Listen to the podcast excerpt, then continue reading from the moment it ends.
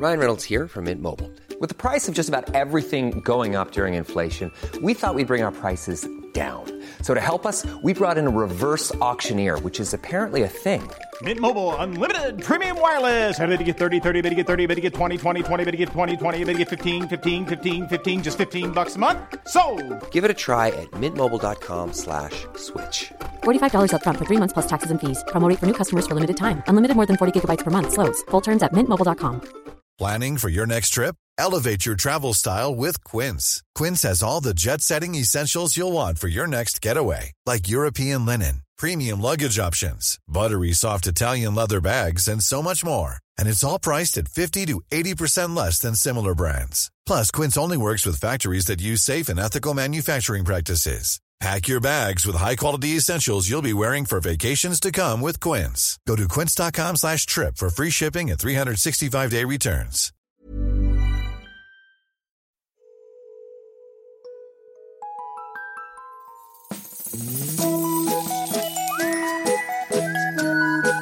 Hello kids och välkomna tillbaka till podcasten Mina vännerboken. Glad påsk! Hoppas att ni mår bra. På torsdag så fyller jag 30.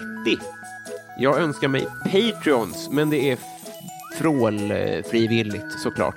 Här är ett gäng som har blivit betalande lyssnare sedan förra avsnittet.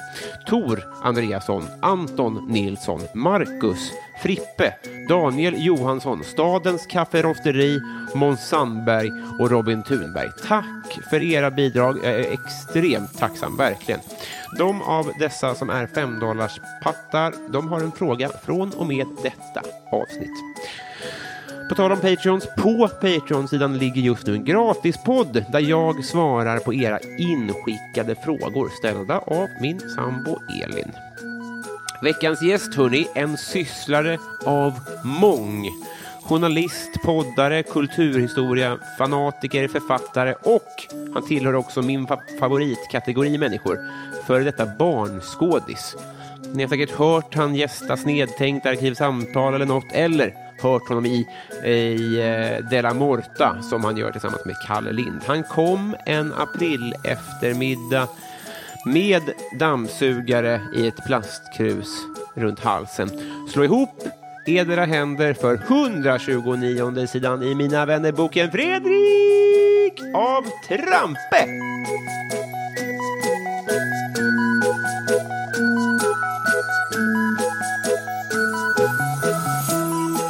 Hej! Ska jag säga hej nu? Supergärna. Ja, hej! hej Robin Berglund. Fan vad trevligt att ha dig här. Tack så mycket. Alltså, det- Jätteskojigt att få vara här. Är det det? Ja, verkligen. Jag tycker jättemycket om den här podden. Eh, ömsesidigt. Den här podden tycker mycket om dig. Ja, tack, tack. Eh, bara så att vi, eh, lite elefant i rummet. Vill du ge oss en minut av din coronasituation? En minut av min coronasituation. Ja, hur påverkar det dig och sådär? Ja, alltså, det påverkar ju inte mig jättemycket som yrkesperson, för jag jobbar ju ändå mest hemifrån i vanliga fall ändå. Alltså, som, jag jobbar mycket med research, jag jobbar mycket med att göra poddar och det gör jag ju vanligen. Liksom, ja, om inte hemifrån så någonstans på stan. Och nu sitter jag inte någonstans på stan, det är väl det som är den, den stora skillnaden. Ehm, så det är inte så mycket mer än så, men man träffar ju ändå... Det det att man har fått skära ner, allting socialt har ju, har ju försvunnit och så. Jag, jag sa just innan vi satte igång här att undantaget min flickvän så är du typ den första människa jag träffar på, på någon vecka nu här. känns läskigt på ett sätt. Man, det- det känns eh, så viktigt borde det inte här få vara för någon människa. Nej, men man känner sig så trygg med dig Robin. Det är- Du har liksom så förtroende, förtroendeingivande sätt och lugn och fin röst och sådär. Så det, det blir nog bra. Men ingen vet vilket håll jag nyser åt. Det Nej, nej, nej, det är lite sådär. Men jag har, jag har en liten flaska handsprit här ute om det skulle vara sådär. Ja. Jag har liksom egentligen inte basilskräck, men jag, jag har liksom bara fått lära mig att jag, jag är lite infektionskänslig av diverse orsaker som vi inte behöver gå in på. Eh, så att jag är en sån här som måste, jag handspritar mig genom hela vintern. Eh, Jag vet att jag måste göra det. Blir jag förkyld så blir jag evighetsförkyld och det inkapaciterar mig något så jäkligt. Och det där, det är som det är, men det har ju liksom fram tills nyss framstått som lite konstigt. Jag märker folk tycker att det är lite, man ser lite weird ut när man liksom hälsar på folk och sen liksom försöker diskret. Och jag är inte så jävla diskret, jag är ganska klumpig där, så de halar fram den där handspriten och liksom.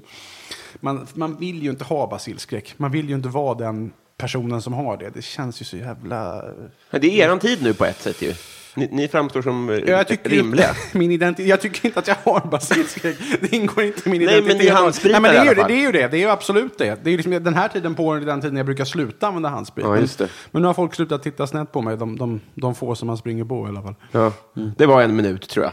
Ah, okej. Vi, jag, jag tror... eh, men- men- Jag har inte tänkt igenom det där så noga, men det, det, är inte, det är inte någon jättestor skillnad. Jag har bara fått fortsätta handsprita mig lite längre än vad jag brukar. Ja, just det.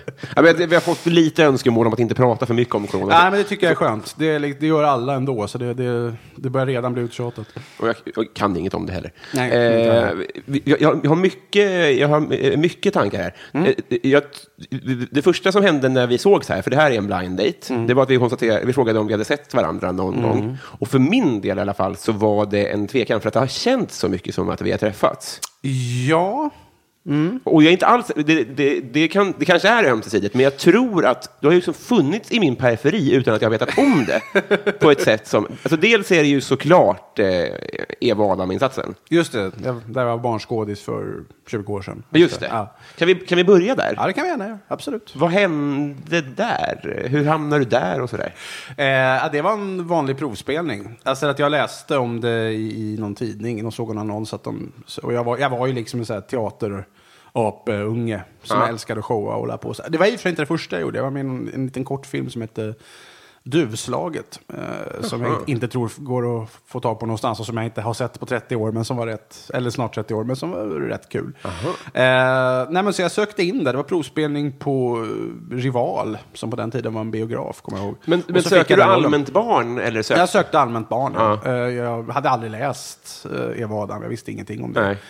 Eh, och så jag sökte allmänt, allmän barnroll och så var jag vet inte vad det var, men de, jag provspelade, jag kommer ihåg att jag gjorde någon, jag fick testspela någon scen mot Lotta Karlge som sen spelade Anja Remmer i Rederiet, den lite struliga Remmerbarnbarnet som rökte gräs. Eh, Fick hon en roll då? Eh, ja, hon kanske är med. Hon har kanske någon liten sån där bakgrund. Men hon var annars liksom barnansvarig tror jag. På, på den inspelningen. Liksom på inspelningen efter var det Johan von der Lanken som numera driver Oscars tror jag. Eller har satt upp den här Så som i himmelen. Är hon son till Vicky? Ja, precis. Han, precis. såklart. Han är son, precis, han är son till Vicky. Eh, nej, men... Jag spelade någon scen mot henne, kommer jag ihåg. Jag skulle bjuda upp henne och dansa och så var jag jättenervös. Och så, ja, jag kom, jag kom, någonting sånt där. Eh, och så jag vet inte om det var att jag liksom, att han som spelade, för vi spelade ju tvillingpar då, Hasse och Klasse. Just det, med tvåeggs. Ja, precis. Tvåäggstvillingar. Och jag vet inte om det var att de tyckte att vi var lite lika eller eh, vad det nu kan ha varit. Men jag, jag fick rollen i alla fall. Och, det, och sen så gjorde vi den, det var hösten 97 spelade vi in första säsongen och sen uh, våren, sommar 99 den andra och långfilmen på hösten 2000. Så det var några år där, lite av och till. Det var jätteskojigt. Men då kom folk fram och kände igen dig antar jag? Mm, ja, lite, men det är, inte- det är inte någon jätteframträdande roll så. Alltså jag är med jättemycket. Det var många, jag var ju liksom, den hösten 97, första säsongen, då var jag ju borta liksom typ en månad från skolan. Men jag syns ju ändå inte jättemycket, jag är med i bakgrunden så. Men det hände, idag händer det ju betydligt mer sällan. Men det är alltid väldigt kul när någon, för det är alltid, det är aldrig någon som kommer fram och är sådär, fy fan vad dåligt det där var. Utan det är kommer folk fram så, så är det alltid jätteväl ment. Jag vet Vilka är det man går fram och gör det till? Är det Lars Ohly typ? Jag vet, ja, det vet jag Men jag kan tänka mig, eller jag har ingen aning, men jag kan, alltså, Ellen och Robban som spelade huvudrollerna måste ju bli igenkända hela tiden. Så där kanske det är lite större risk att sådana människor, jag vet inte om det finns sådana som, som gör det. Det Nej. Nej, jag vet, jag vet inte vilka Men det är. vad har inte hände sen med gänget då? För, för, alltså, det, det är många trådar idag här, men för att om man tar Bert så har man ju konstaterat att där gick det väldigt olika för folk. Ja. Det blev NMR och det blev eh, Rapport och det blev eh, matematiker i Brasilien. Ja, just det. Och vad fan var det mer? Klimpen blev ju Klimpen. Ja, just det. Han var inte, jag tyckte han, jag såg någonting i samband med att Jonas Strandberg gjorde sin den här Det blev ingen CD-dokumentär så var han väl med. Inte i dokumentären, men att han... Gjorde reklam? Ja, nå- vagt ja. 40 plus och fortfarande Klimpen. Eh, men vad hände med er då? Så, alltså, finns det något som sticker ut där, förutom du? Sticker ut och sticker ut. Ja, jag, vet, jag har jättedålig koll på det ska jag säga. Är det El- så? Ellen springer jag ju på ibland, för vi bor inte så långt ifrån varandra. Blev hon kommunist? Nej, oh nej, ja, det, det vet jag inte i och för sig. Jag hade för mig att jag såg något, att hon var med så här Det kanske, det var inte Lilla Aktuellt, men något UR-grej där hon var så här, jag är kommunist. Men jag kanske minns fel. Nej, det vet jag inte. Men Nej. hon var ju, blev ju sen någon så här, jobbade, började ganska tidigt jobba på typ Universal eller någon sån här Buena Vista, någon sån här uh, musik eller filmgrej. Och det tror jag hon fortfarande gör. Eh, hon vi var manager åt Pernilla Andersson i någon period, kommer jag ihåg. För att jag skulle presentera Pernilla Andersson och då var det Ellen Fiesta jag hade kontakt med. Så det var lite skoj. Eh, och sen så har jag är Facebook-kompis med några av dem. Men jag kan inte säga att jag liksom har någon så här örnkoll på vad de gör. Men Men det ballade inte ur på samma sätt, verkar det som. Nej, och i de fall som det eventuellt gjorde det så är det ingenting jag vill prata om. Jävlar, men vi ska ta det efteråt. Ja, vi får ta det när du har stängt av i så fall. Men visst är det så att, att vad heter han som spelade Adam? Mm. Han blev världens vackraste man, va? Jag har sett någon bild och jo, han, han var tjusig. Ja. Ja. Men honom, äh, men, gud, det vore kul att träffa det här gänget. Jag har inte sett de här människorna sen... Alltså några har ju stött på, men jag har inte sett hela gänget sen år 2001 eller något sånt där. Fan vad den borde, å, den borde ju filmatiseras, den återträffen. Ja, de, de ska ju göra, det ska ju komma en ny Eva Adam nu. Eh, jo, det, jag tänkte, jo, men jag, när jag hörde om det tänkte jag att det vore ju så här, i huvudet om man tänker man går, att jag skulle gå på premiären och så går jag fram till han som spelar Hasse. Och bara, "Ja, alltså så där hade ju inte jag gjort det. Men det sjuka med Hasse och Klasse och eh, fan, Jonte, Jonte, ja. är ju att det finns ju, exakt de finns ju i Harry Potter. ja, kanske, jag kan inte, jag kom lite för sent till Harry Potter-tåget. Ja, men det är så himla konstigt. Där finns det också två buffliga tvillingar till en blond, den onda Jaha, killen. Fast, okej. alltså, fast eh, Jonte är ju inte, den, inte ond på samma Nej, sätt nej. som Malfoy är. Men det sjuka med där, var, vad som hände sen, var att en av dem ja, gick ner sig så mycket att han inte fick, han tappade rollen och den fick tas över av någon annan. Jaha, okej. Oj då. Jaha. Nej, ja, det, men det måste nog det är nog i så fall en total slump. För jag menar, eh, Måns och Johan som gjorde serien och böckerna började Ja. väl göra den typ 91 någonting. Och här första Harry Potter-boken kom väl 97. Så det tror jag det är en, det är en tillfälle. Det hade ju varit roligt om det var snott. ja, det hade varit kul. Eller det hade varit roligt om J.K. Rowling hade varit influerad av dem. Men det är väl ganska klassiskt att det är liksom en ledare och sen en lakej som eventuellt har en egen lakej. Den rollen gjorde jag sen. Jag gjorde ju lakejens lakej sen i uh, Ondskan. Ja, det, det, det, Ondskan eh, har jag inte alls samma relation till, men, eh, men eh, där har jag ju också sett det såklart. Mm. Och sen, eh, okej, så där spelade du lakejens lakej? Ja, jag spelade, ja, Gustav Karsgård var den onde och Jeppe Salén var hans lakej och jag var Jeppes lakej. Hade du en större roll där? Ja, jag, ja, det får man väl nog säga. Jag syntes lite mer. Jag sa fortfarande inte så mycket. Jag har alltid, liksom, jag har alltid fått spela elak på film. Jag hoppas att det inte har något med mig i, i verkligheten att göra. Va- Varför tror du det? Men jag är stor, har kanske ett lite brutalt utseende. Jag vet, inte, jag vet faktiskt inte. Nu ser du ju vrålsnäll ut. Ja, tack så mycket. Nej, men på riktigt. Ja. Det är intressant det där med casting alltså. Ja, nej, jag vet inte. Men det, det har alltid blivit så. Jag har alltid fått spela liksom buffliga, otrevliga typer. Ehm, jag vet inte vad det kan vara.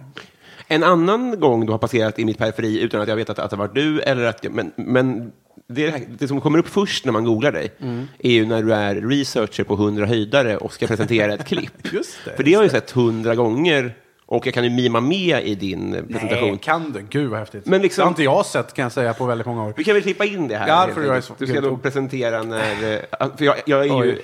Ja, jag det, ja. älskade ju Filip och Fredrik. Du ska presentera när, eh, när Kenta ska uppträda i Mello. Just det, just det. När två, när två missbrukare möts. Just det. Ja, men ja, ja, jo. Hur hamnar du där då? Det är också slumpen, höll jag på att säga. Nej, men det var väl att jag var också ett jättefan av Filip och Fredrik. Eh, de började väl liksom, de hade väl verkligen sin, deras stora heyday började väl ungefär där, eh, runt 2000. På grund av dig kanske?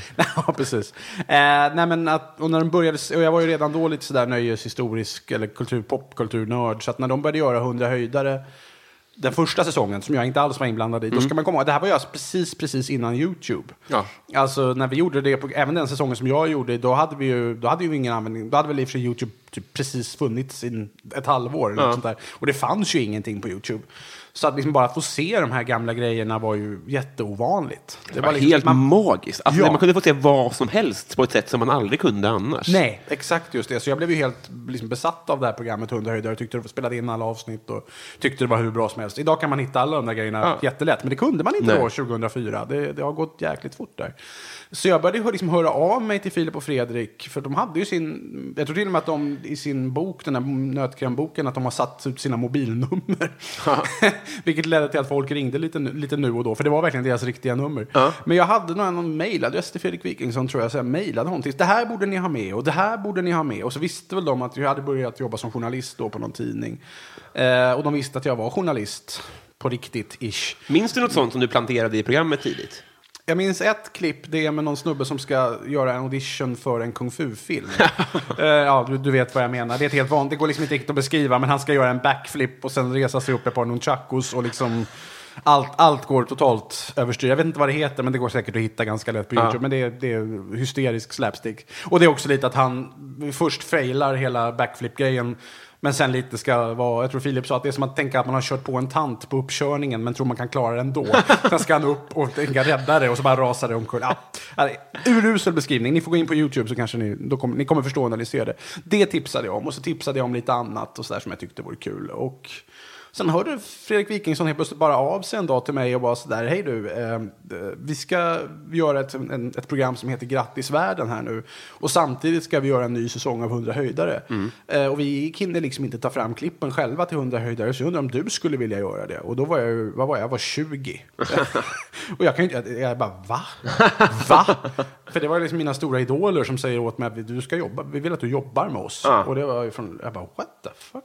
Eh, så det var ju helt fantastiskt. Ja. Eh, så det var ju, jag kastades in i det där och jobbade ihop med Micke Svensson som väl fortfarande jobbar med, med Filip och Fredrik tror jag, som nu någon sorts liksom, pro- produktionsmänniska inom tv. Eh, och ja, det var ju eh, lite sådär, när jag ser tillbaka på det så är det ju lite sådär att jag vet, jag var ju fruktansvärt ung och kunde ingenting om någonting.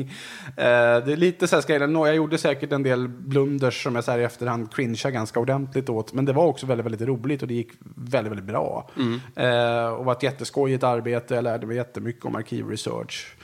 Eh, så att, nej, det var, det var jätterolig, jätterolig tid. Men du jobbar inte med dem alls nu? Nej, nu var det väldigt många år sedan. Sen dess? Ja, nej, jag jobbade med den och sen jobbade jag med det som ett herrans liv gjorde vi sen efter det som jag också jobbade med. Och tog Där var fram publiken. material. Ja, var det? Ja. ja det, det är lite, den brukar jag ha som en så här knasmerit, att vi hade Göran Persson som gäst. Ja.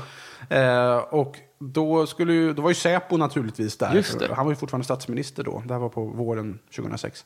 Och skulle liksom casea hela stället och kolla att det inte fanns någonting. Hela studion liksom, att det var lugnt. Och så hade de framfört, alltså att för att liksom, vi kommer ju ha Säpo-vakter i studion.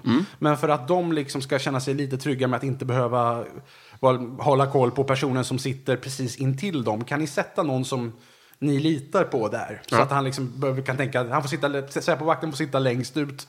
Och så den som sitter bredvid honom är liksom en lugn person så att han inte behöver hålla koll på det. Ja. Utan liksom kan hålla koll på hela rummet. Och de bara, ja men då tar vi Trampe, du får sitta bredvid.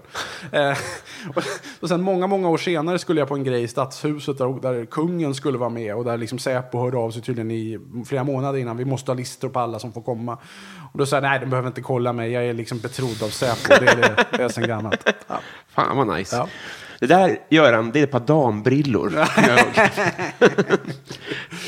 det var, var det programmet också, han, som, han vägrade erkänna att han hade snattat påskägg. Det, jag har inte sett det här programmet sedan dess, men det kan säkert, det Det kan är säkert helt stämma. sinnessjukt. För att det, är, det finns alltså stillbild på när Göran Persson är inne i en godisaffär i Gamla stan Och så och små, ja, så, och, stoppa, och stoppar in det i munnen. ja, det syns jättetydligt att han gör det. Men Jo, han det- påstår att han kliar sig på näsan. Ah, nej, det tror jag inte på. erkänn bara. Har han ingen PR-agent? alltså, jag fattar inte. Nej, just den kunde han bara bjuda. Alltså det, för det är ju egentligen ingen jättebiggy.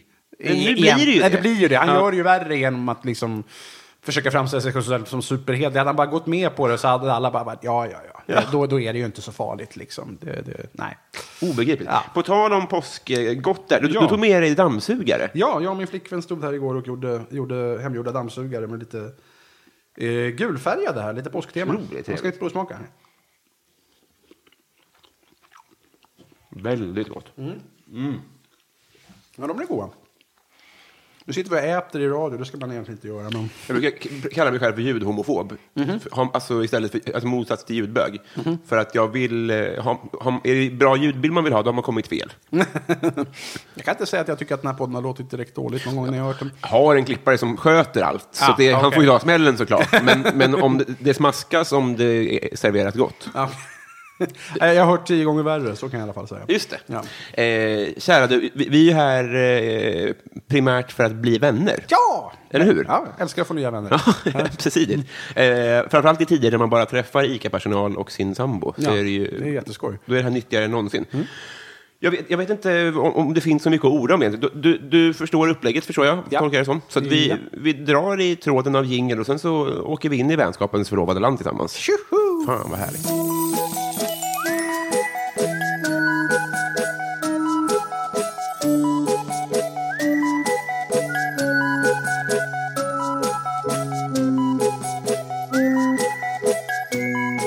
Fredrik, Ja. ny fråga. Ja. Eh, var var du när du fick reda på att Palme var död? Då låg jag och sov hemma i eh, mitt barndomshem ute i Vaxholm. Jag var, vad var jag, ett år och tre månader blir det väl? Ja, det var ett år, tre månader och tio dagar faktiskt. För jag föddes 18 november. Jag tror jag räknade rätt där. och mina, eh, jag låg och sov och eh, jag vet att min brorsa som är sju år äldre var på sportlov. Eller hade varit bortrest över sportlovet eh, den veckan. Så att min mamma åkte in till Stockholm dagen därpå för att plocka upp honom. Han hade varit, jag tror att han hade varit hos våra morföräldrar. Eh, Så att han, mamma åkte in till Stockholm för att hämta upp honom och såg alla löpsedlarna och folket som stod där vid, vid mordplatsen och så blommorna och allt det där. Men du kan ju ogärna ha tagit in det då. Nej, jag tog inte in det alls. Nej, Jag fick du reda på det helst. ja, jaha, du menar så. Eh, ja, ja det, det är väl en väldigt bra fråga. När kan det vara? Det måste, det, jag tror att det kan ha varit när typ Galenskaparna gjorde någon referens till Palmemordet i någon sketch. Tidigt 90-tal kanske. Det är en nästan Jag omöjlig fråga om man som jag du och jag är för unga för den. Men jag, jag, vet provade faktiskt- den i alla men Jag fall. har också lite, så jag är ju lite true crime-intresserad. Men jag har Mhm. medvetet fram tills nu hållit mig borta från just Palmemordet. För att det är lite sådär, det är lite härskaringen över det. Det har en tendens att förvrida folk. Det är ingen skötesblötare när folk säger att de är intresserade av det. Nej, det är inte det. Men nu har jag faktiskt precis börjat läsa den här boken. Om, nu när de här går ut med att nej, men nu kommer vi presentera en lösning så har jag faktiskt börjat lite intressera mig för och börjat läsa lite om den här uh, Skandiamannen och så. Men jag ska inte våga mig på, jag vågar mig inte på att ha någon åsikt om det. För, det, det, Vad cool. jag Ett, ett år är du hade en tanke om. ja, det hade varit något det. Har du slagit någon? Eh, ja, när jag var liten så slogs man väl. Jag var ju lite tjock och lite mobbad. Så det, det blev väl att man, jodå. Det jag gjort, men inte som, inte som vuxen har jag inte gjort det. Nej. Eh, jag tränade, tränade lite kampsport, om det, om det räknas då. Men det är ju, det är väl, nej, jag slogs inte riktigt där heller. Nej. Det var ju mer liksom rör, olika rörelser och sådär. Nej, jag har inte slagit någon sen jag var Men jag tolkar det som att du slog tillbaks då när du var liten. Ja, det gjorde jag. Ja. Det, det där är ju lite, vi pratade om ondskan tidigare, man får ju ge Jan Guillou att han har ju li, lite, lite poäng i det där. För att, med mig var det så att jag, var liksom, jag blev retad jättemycket för att jag var tjock. Mhm. Och sen en dag så när jag var kanske åtta år efter att ha blivit retad för det där i tre, fyra år så insåg jag att, att jag är ju starkare än vad de här som Mm. retar mig är. Så nästa gång de retade mig så slog jag till dem istället. Alltså inte, det var inte så att jag slog dem så att de blödde, men att jag liksom buffade till dem eller i Mm. magen och sådär. Och när de insåg att jag kunde spöa dem så slutade de ju mobba mig. Det var var, så, ju så alltså? enkelt det funkade. Ja, Men de var väl var de fler kanske? Var inte det ett argument? Eh, ja det, det var de ju i och för sig. Men ja, jag vet inte. Men det, det var som att det bara försvann. När de helt plötsligt insåg att jag kunde slå tillbaka så var det som att det bara slutade. Sen så, ja då i alla fall. Sen så när jag liksom kom upp sen på hög, här, högstadiet var det väl någon som kanske försökte. Men då, då hade jag ju fattat att grejen var att antingen bara ignorera det totalt eller att liksom bara liksom spela med, skämta tillbaka. För då blev det, om, om de inte fick den reaktion de ville ha, om jag inte blev jättearg och började slåss, då, då blev det inte roligt för dem. Liksom. Just det. Så det, så det lärde jag mig att lösa det på fredlig väg. Just det. Eh, när var du med i tv första gången? Jag var med i tv, då var jag åtta år. och jag kommer alltså från en liten, en liten ö som heter Resarö som ligger utanför Vaxholm, då, där jag var uppvuxen. Och Är du otroligt rik? Nej, Nej. absolut inte. Eh, men eh, jag växte upp där och då, eh, och det, är, var, det kan man säga var ännu mindre då, eller på så här resor nu, då när jag, när jag var liten och bodde där, då var vi kanske, det här finns på Wikipedia, de har någon så här lista över befolkningsutvecklingen, då tror jag vi var kanske 500 som bodde där på heltid 1990. Mm. Eh, Och nu idag är det väl uppe i 3500.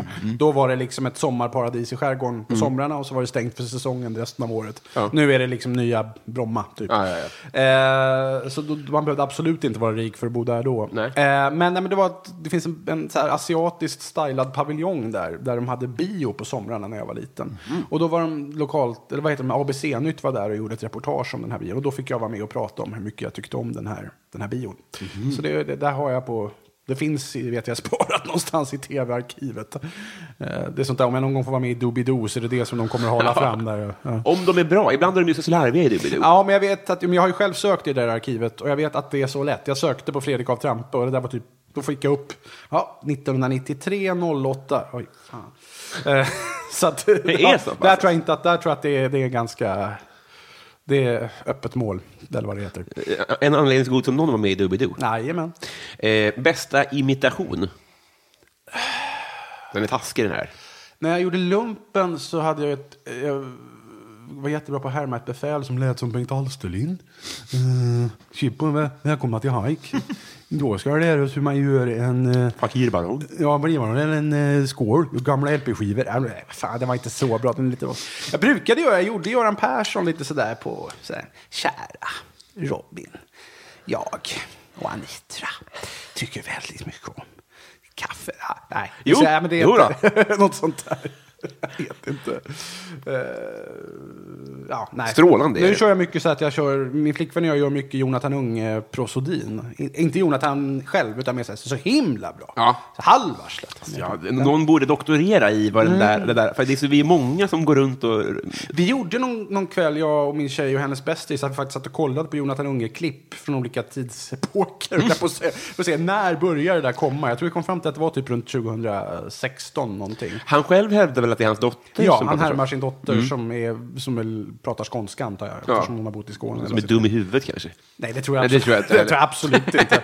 Eh, Men jo, det, det måste betyda att Jonathan är väldigt musikalisk. För det är väldigt ovanligt att man ändrar dialekt så sent i livet. Men, Jaha. det, det är en annan podd kanske, men, men det är det. det, är det. Då ska jag göra det, för Ja. att folk tror att jag är musikalisk. eh, vad unnar du dig? Ehm, jag unnar mig väl de grejer som jag försöker att mest låta bli. Det är väl kött och socker. Ehm, det där, alltså jag är väl som så jättemånga så var det så här fram till för kanske fem sex år sedan så var det där med att äta kött var ju liksom bara total icke-fråga för mig. Jag hade liksom aldrig ens tänkt tanken att inte äta kött. Men så började man liksom inse dels hur den här, liksom hemsk, den här storskaliga köttproduktionen är och vilken skada det tar på klimatet. Och så då började jag bli mer och mer, fan det här känns inte rätt. Lite som Simon Gärdenfors har beskrivit det. Va? Och då hade jag, men jag kan ju ingenting om matlagning överhuvudtaget. Men då hade jag turen att jag blev ihop med min flickvän då. Som är inte bara en fantastisk flickvän utan också vegetarian sedan många år och gör fantastiskt god vegetarisk mat. Men det var ju fortfarande sådär att jag kunde bli, jag ju, har ju lite där att jag tycker att det principiellt är fel. Men jag kan också bara totalt glömma det om kötträtten på menyn ser tillräckligt lockande Ja, ut. Va? same. Så det inrättade jag någon sån här grej, men okej jag får äta kött en gång i veckan. Ja. Då har jag liksom det som ventil. Och det har jag faktiskt hållit nu i något år. Och det har ju, det har ju blivit att då blir det ju istället så att när man har det, man vet att man har den säkerhetsventilen, då blir det kanske så att jag äter kött en gång varannan vecka. Nu har jag inte gjort det, nu har man inte gått ut på ett tag, så nu har jag inte ätit kött på någon månad tror jag. Men blir det hel, eh, vad heter det, Sä- särimner? Eller vad heter den här, alltså blir det, Den som de, just det, som dör varje kväll och sen... blir det helstekt kött då? Nej, det kan bli lite olika, men det är väl lite den där K. Svensson har pratat om det där med att, den där, jag vet inte var han har fått det ifrån, men det här att om, om du bara röker en cigarr om året istället för, så smakar ju den mycket, mycket bättre än om du röker en cigarr Ja. varje dag. Det blir mer, mer den effekten. Eh, så, nej, men då, ja, men då går jag ju gärna, då äter jag gärna någon så här. Jag har ju, det är lite det som jag tror står också i vägen för mig för att bli hel vegetarian. Jag har ju lite för mycket romantik kring så här stabbig husmanskost och viltkött och lite sådär Leif GW och Jan Guillou med gevär. Jag har aldrig jagat eller någonting sånt. Nej. Men jag gillar ju det här liksom pelikan, gå på pelikanrestaurang och... Alltså inte en pelikanrestaurang, utan restaurangen Pelikan. Jag måste tänka på att det är inte bara stockholmare som lyssnar på det här. Jag måste komma ihåg det. Men Eh, finns det pelikanrestauranger? Nej, det tror jag inte. Nej. Eller det kanske, ja, det kanske det visst gör. Inte i. Sverige. Får man äta pelikan? Eh, Jag vet inte. Det kanske man... ja, Det får är man den här säkert. med stor pungmun. Ja, just det. Ja, det känns inte superaptitligt, men det, det borde ju gå. Ja, ja, ja, allt går att äta tror jag. Det är Nalle, vad heter den? Rasmus Nalle, va? Som ja, har, ja. har en pelikankompis. Just det. Och så har Electric Banana Band har gjort en, en av deras bästa låtar. Med en pelikan, dö, dö, dö, dö, dö, dö, dö, så här Sven. Vi tidig- klipper in sju sekunder. Nu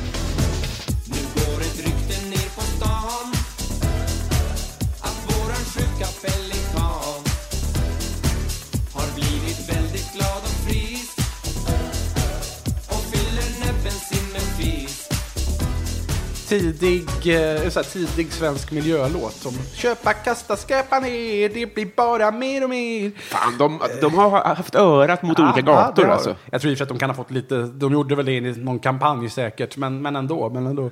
Eh, Visst, men jag tror ändå att de hade, har varit tidiga med saker. Ja, det, jo men det, det, det, det tror jag nog också. Eh, nej men så det blir, det blir mer det. Ja, men jag gillar att gå liksom på restaurangen Pelikan och äta någon sån här stabbig liksom, eh, schnitzel Just med det. Stekt potatis och någon fet sås. Men när jag tänker unn, Mm. alltså det, det för- jag, när du beskriver det, Mm. för jag känner igen det mycket, då kanske man känner, man känner lite skuld. Ja, Jag känner ju jätteskuld. Jag gjorde det innan jag liksom inrättade den här regeln för mig själv. Då kände jag jätte... Först, ah gud vad gott. Och sen efteråt skämdes jag utav bara helvete och mådde jättedåligt över det. Just det, men eh, vad, gör, vad, vad unnar du dig där du inte känner skuld då? Jo, men då kan, jo, men då har jag en bra grej. Nej, jag, jo, men då har jag en jättebra grej. Jag dricker ganska lite alkohol. Mhm. Eh, men jag gillar liksom grejen att hålla mig med ett bra barskåp. Mm. Eh, så jag har ett ganska bra så här, standardsortiment med lite olika whisky och konjak och gin och rom och sådär. Mm. Eh, men jag har ju... Men det är också så jag gillar att köpa, komplettera barskåpet med lite udda spritsorter. Mm. Samtidigt så vet jag med, dels är jag lite så här småsnål och det gentemot mig själv. Och sen är jag också, vet jag med mig att om jag köper blå curacao Mm. så kommer hur många drinkar om året kommer jag göra med blå curacao? Jag kanske en eller två. Så då blir jag så här, nej jag kan inte köpa blå curacao. Så om jag går på systemet så är det kanske nio av tio gånger så går jag och tittar på spritflaskor som jag skulle vilja köpa. Ja.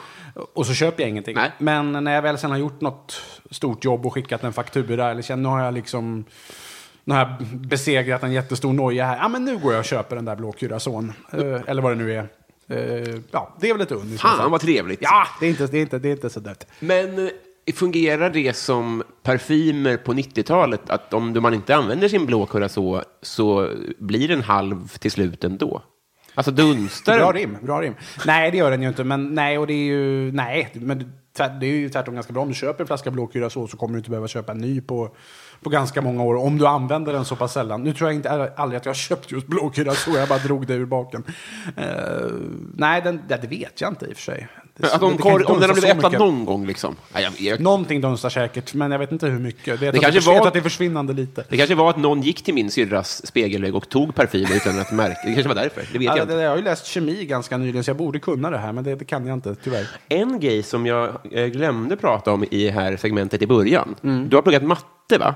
Ja, jag gör det just nu. Ja, du gör det nu också. Ja, Eh, Alltså det här, för, för du pratade om det i en podd en gång, om att du, alltså, du- du- ja, vi pratar om det här om du vill. Men för jag har, mitt enda IG i livet är matte. Mm. Och det där, det ligger ändå skaver bak i tinningen. Mm. Det där akademiska komplexet, hur alla andra kan liggande stolen och skit. Och det känns så...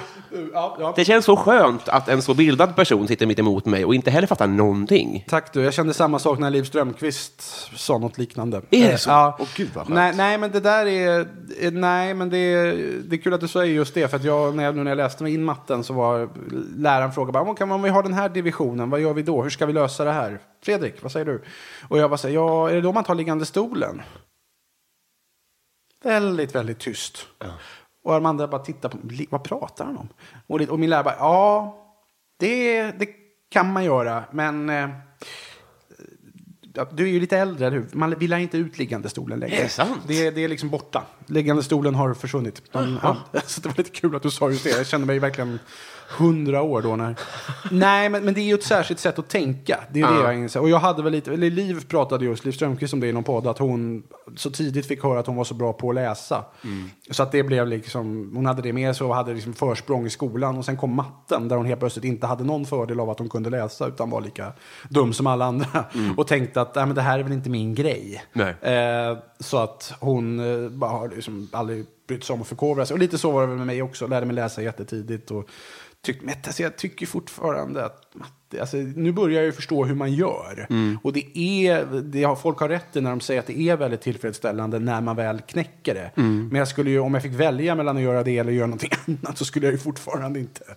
Det, det, jag får inte ut så, det är inte så roligt att sitta och pussla upp det. Men det är ett annat sätt att tänka på än vad de flesta andra skolämnen är. Men va? jag tänker att en, en, en eh, njutning skulle kunna vara att få vara en gammal hund som lär sig att sätta. Jo, men det är det. sitta. Det är skitkul. Det är skitkul att lära sig nytt och känna att man faktiskt kan lära sig nytt. Så det är, det är roligt. Men hade jag inte liksom tvingats till det av en deadline så hade jag ju nog säkert valt bort det. Det är kul när man kommer igenom det. Det är ju det. det, är ju det. Man ska bara igenom den där skiten. Om att se- för att, jag kan tänka mig att du, precis som jag, är liksom van vid att lära sig väldigt fort. Ja, okej, ja, Eller jo, relativt jo, fort. Ja, jo, jo, men det kanske det är. Så, Så är att, det eller när det gäller saker som man ska läsa i alla fall. Mm. Och att då sitta där och känna att men nu lägger jag ju ner mer tid än vad jag gör på historia. Eller Mm. något annat. Och jag fattar fortfarande. Det som liksom hade gett mig MVG, för att ta den gamla skalan, i historia måste jag lägga på för att få ett G i, Ja. i matte. Det är ju frustrerande Ja, och så är fan. det den tanken som tar upp tankekraft istället för Ja, den jo, här är så jävla- som ska ligga ner. Ja, det är, och det är ju så jävla dumt. Men det, det är väl, ja, det, det är bara case jag. Det är väl det. Ja. Nu ska jag berätta för min sambo att vi har börjat, jag har Ja. glömt säga det. Man ska, inte, man ska inte skämmas över att man inte kan allt. Det, det är en jävla... Hör ni det, kids? Det. Ja, så är det. Eh, ni bör dock kunna vilka som var i final i Robinson 2001. Eh, vi har kört en halvtimme, förlåt mig. Det är ingen fara. Eh, vilken är världens sämsta låt? Jag gillar ju väldigt corny grejer. Eh, jag, jag, har ju lite sådär sunkmusikintresse av DJat på klubben Sunk och sådär. Så Mm. Åh, gud vad svårt. Då vill man ju helst ha någonting som bara känns liksom utstuderat, vrålkommersiellt. Typ Hello Hey What's Your Name med Victoria Silvstedt. Men, Jag blev glad när du sa det. Ah, ja, men jo, har den är ju catchy. Åh, gud, vad kan det vara för någonting? En av de mest outhärdliga låtarna som har gjorts är proggbandet Blå Schäfer. Låten Stoppa freonet i spray Mhm. från 1975, inspelat i någon sommarstuga. Eh, och jag, ja, jag har lagt upp låten på YouTube och inte ens jag har orkat lyssna på hela. Men det, fan, det känns ju dumt att hacka, racka ner på några som vill så väl. Nej, men vi tar, vi tar Halloway What's Your Name, Victoria Silvstedt.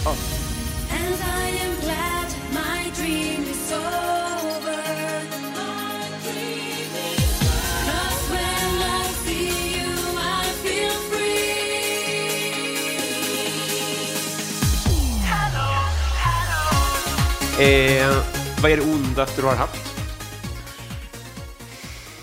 Mm, ja, ja.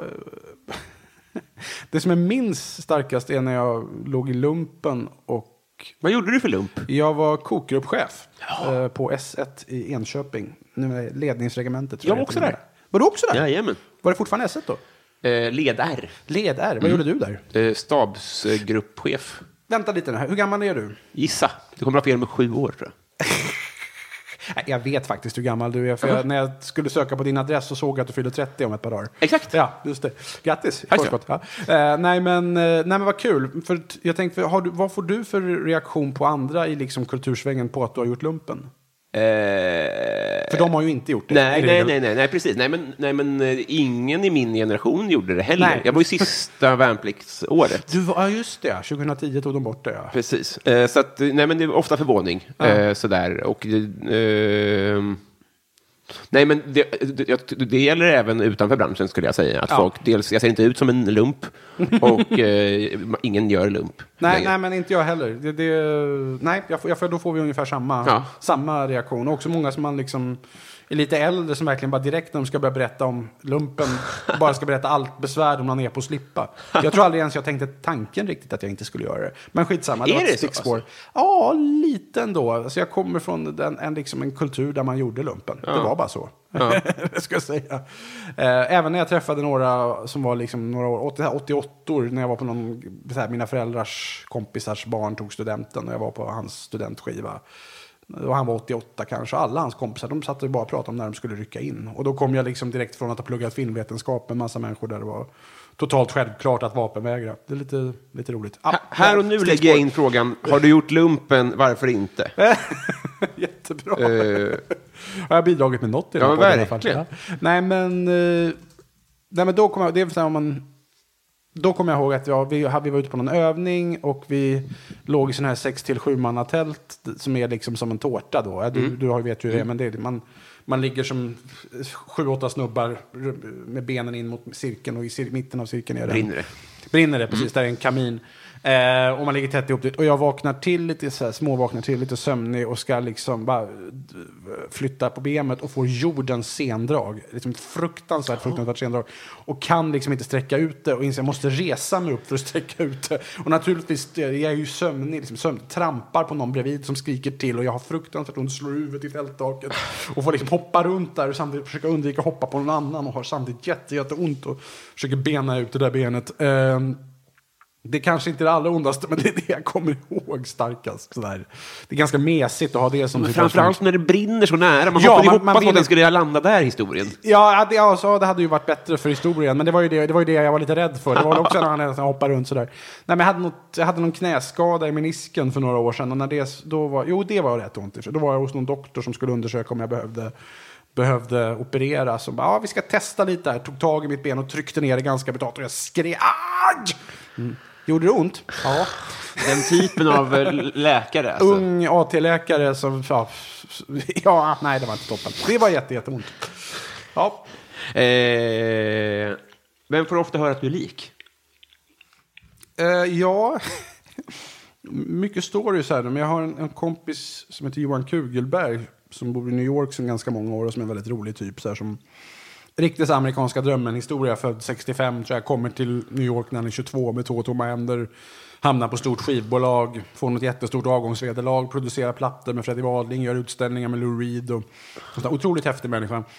Ehm, Är han släkt med Helen Kugelberg? det tror jag, men det vet jag Nej. inte. Men i alla fall när en gemensam kompis, han var också tidigt inblandad i Union Carbide Productions, Ebbots första band av Björn Olsson.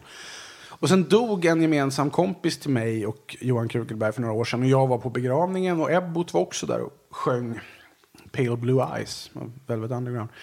Och efteråt, på liksom mottagningen efter begravningen, så går jag fram till Ebbot och bara tack så mycket, vad fint du sjöng. Och han sa, tack du, du, är det du som är i i Kugelbergs lillebrorsa. Nej. Nej, okej, jag trodde det. Ja, nej, nej.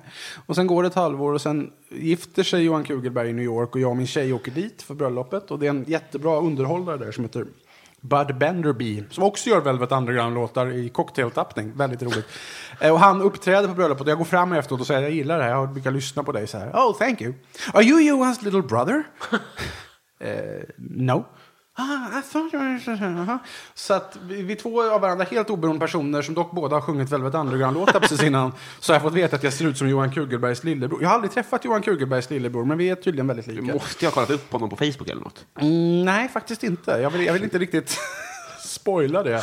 eh, Vad det hända en tredje gång. ja, någon gång när jag var på, på festival med eh, trubaduren Ola Magnell som gick bort ganska nyss, då trodde någon att jag var hans son. Mhm. Eh, det har jag fått höra.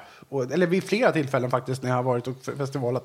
Jag vet inte vad jag blev. Snäva lookalikes det här alltså. Ja, mycket snäva lookalikes. Eh, nej, jag vet inte. Nej, Johan Kugelbergs son och Ola Magnells när jag jobbade, just med Filip Hammar var det ju kul att när jag, när jag jobbade med dem och var i, var i USA och hälsade på folk och sa att jag jobbade med this American team, eller the Swedish comedy team och så visade jag upp alla bara, ja han, that Philip, Philip guy, he looks like Will Ferrell. Det var vad de sa hela tiden. Och det hade inte jag tänkt på, men när de säger det så, ja, ja. Ja, jag tror dem. Ja, ja men det, det, det, det, är- en sån likhet man inte har tänkt på. Eh, partytrick. Eh, pratar om någon gammal död gubbe. Nej, jag vet inte. Vad har jag för partytrick? Eh, nej, men jag, jag gör lite sådär. Det hänt, just att imitera Göran Persson var väl mitt partytrick under några år. Eh, vad har jag gjort mer? Nej, jag, sjunger, jag kan ju mycket så gamla konstiga låtar. Så att om folk ber mig sjunga så här Skånska slott och herresäten så kan jag sjunga den. Eh, Eller sådär. Ja, det, det, är Är du lite- en enorm jukebox? Alltså, kan, Ja. man be kan man be dig att spela tusen låtar? Det kan man nog, men inte... Ja, det beror lite... Alltså numera kan jag ju inte musikfrågorna På spåret, för nu har de ju börjat med grejer som är efter typ 20, 2010, liksom, och då, då är jag ju sämre. Eh, men jo, men om det är liksom så klassisk poprock, singer-songwriter och gamla svenska revy och visor. Framförallt gamla svenska revy och visor kan jag jättebra, då, kan du nog få ganska mycket. om jag är på humör. Sugen på att testa det nu, men, men ja, vi kanske gör det sen. Eh, vad var det första du laddade ner? Det var på Napster. och jag tror att det var låten The Look of Love med eh, Dusty Springfield. Eh, för att jag var i tonåren jättestort James Bond-fan. Och den låten tror jag är, jag vet inte om den är specialskriven, jag tror att den är specialgjord för den kanske inte jättelyckade men ganska charmiga James Bond-parodin Casino Royale. Alltså inte den som kom sen på 2000-talet utan en, en humorfilm som de gjorde sent 60-tal. Och där var den med och jag var, tyckte att den låten var jättebra. Och så hade vi precis skaffat bredband där sensommaren 2000. Och då skaffade jag en Napster och så tankade jag ner den. Det. Satan vad tidigt bredband väl? Ja, oh ja, det är jättetidigt bredband. Eh, vi hade inte haft internet innan det utan vi gick, vi gick direkt till bredband. Ja, det var tidigt, det var det. Det fanns en, en Bond-parodi på 60-talet Ja. som hette som en senare ja, det, det, Bond-film. att, alltså. jo, så här, är- om jag, det här kan man lätt kolla tror jag, men det var så att någon, eh, någon producent någon gång sa till Ian, långt innan de riktiga Bond-filmerna gjordes, jag tror att det var så här, så var det någon som sa att som köpte rättigheterna till den första James Bond-boken, som är Casino Royale av Ian Fleming. Och så blev det aldrig någonting. Och sen börjar MGM göra filmerna med Sean Connery och de blir jättehits. Och då bestämmer sig den här killen för att ja, men då ska jag, då, nu har jag rätt till varenda av böckerna, då ska jag göra den. Och så vill inte MGM jobba med honom, eller hur det nu var. Och så bestämmer han, ja, men då gör jag en, en parodi. Då kan jag ju använda, jag har ju faktiskt rättigheten, jag kan använda James Bond-varumärket och så kan jag göra en parodifilm. Ehm, och den är ju då, jag tycker, och det, det är då en väldigt konstig film med liksom, ja, men det är jättemycket kändisar från den tiden är med. Peter Sellers är med och David Niven, en massa så här stora skådespelare. De fick in jätte, Woody Allen gör en av sina första filmroller. Det, det sägs att det fortfarande går att gö- göra honom på riktigt dåligt humör genom att påpeka det. Eh, Att han var med i den Att han är med i den, ja. Eh, Han spelar Jimmy Bond, James Bonds brorson. måste komma ihåg det här om man springer in igen. Det är Ja, men det, den är ju, alltså, det är verkligen sådär, det, det är verkligen, man känner att de har gjort massa roliga grejer, sen har ingen liksom brytt sig om att sätta ihop det. Den är, den har, ja, den är jättekonstig och kanske inte så bra, men jag tycker att den är ganska Men bygger charmig. den på Casino Royale? Löst. Mycket, Okej. mycket löst. Uh, Orson Welles spelar den rollen som Mads Mikkelsen spelade den i. Men, eh, så, så att den, är, ja, den, är ju, den brukar ofta nämnas som en sån här kalkonfilm, men den är väldigt charmig och den är väldigt så här, tidstypisk. Vad var nu frågan? Kommer du ihåg det? Vilken som var första gången jag laddade ner. Just det. Och då är det en låt från den Så alltså? var det något som heter The Look of Love, som jag tror att det är Burt Bacharach som har skrivit den. Och, eh, Dusty Springfield sjunger. Den är jätte, jättefin. Vi tar några sekunder av den också tycker jag. Let's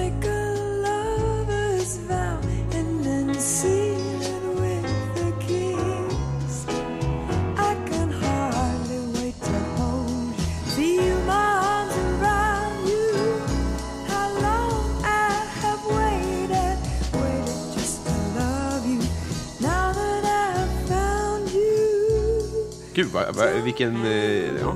Vem är Sveriges roligaste? Och, ja, men nu blir det, då blir det ju de här vanliga. Eh, Petrina Solange tycker jag är fantastisk. Du kan väl ändå bredda vårt kartotek lite grann? ja, men om de är ju aktiv just nu så... Jag, vet fan, jag tycker Johan Wanlo, serietecknaren Johan Wanlo, är fruk- alltså jag läser mycket serier och mycket humorserier, men det är väldigt få som jag... Hey, I'm Ryan Reynolds. Recently, I asked Mint Mobile's legal team if big wireless companies are allowed to raise prices due to inflation. They said yes. And then when I asked if raising prices technically violates those onerous two year contracts, they said, What the f are you talking about, you insane Hollywood ass? F- So to recap, we're cutting the price of Mint Unlimited from $30 a month to just $15 a month. Give it a try at mintmobile.com slash switch. $45 upfront for three months plus taxes and fees. Promo rate for new customers for limited time. Unlimited more than 40 gigabytes per month. Slows. Full terms at mintmobile.com. This is Paige, the co-host of Giggly Squad, and I want to tell you about a company that I've been loving, Olive and June. Olive and June gives you everything that you need for a salon quality manicure in one box. And if you break it down, it really comes out to $2 a manicure, which is absolutely insane. It's also so easy to get salon worthy nails at home with Olive and June. The difference between how your nails used to look when you did them yourself and now with the Manny system is a complete game changer. The best thing about Olive and June too is it's a quick dry. Dries in about one minute, lasts for five days, and full coverage in up to one to two coats. Visit oliveandjune.com slash perfectmanny20 for 20% off your first system. That's oliveandjune.com slash perfectmanny20 for 20% off your first system. Skrattar högt till så mycket som Johan Wanlo.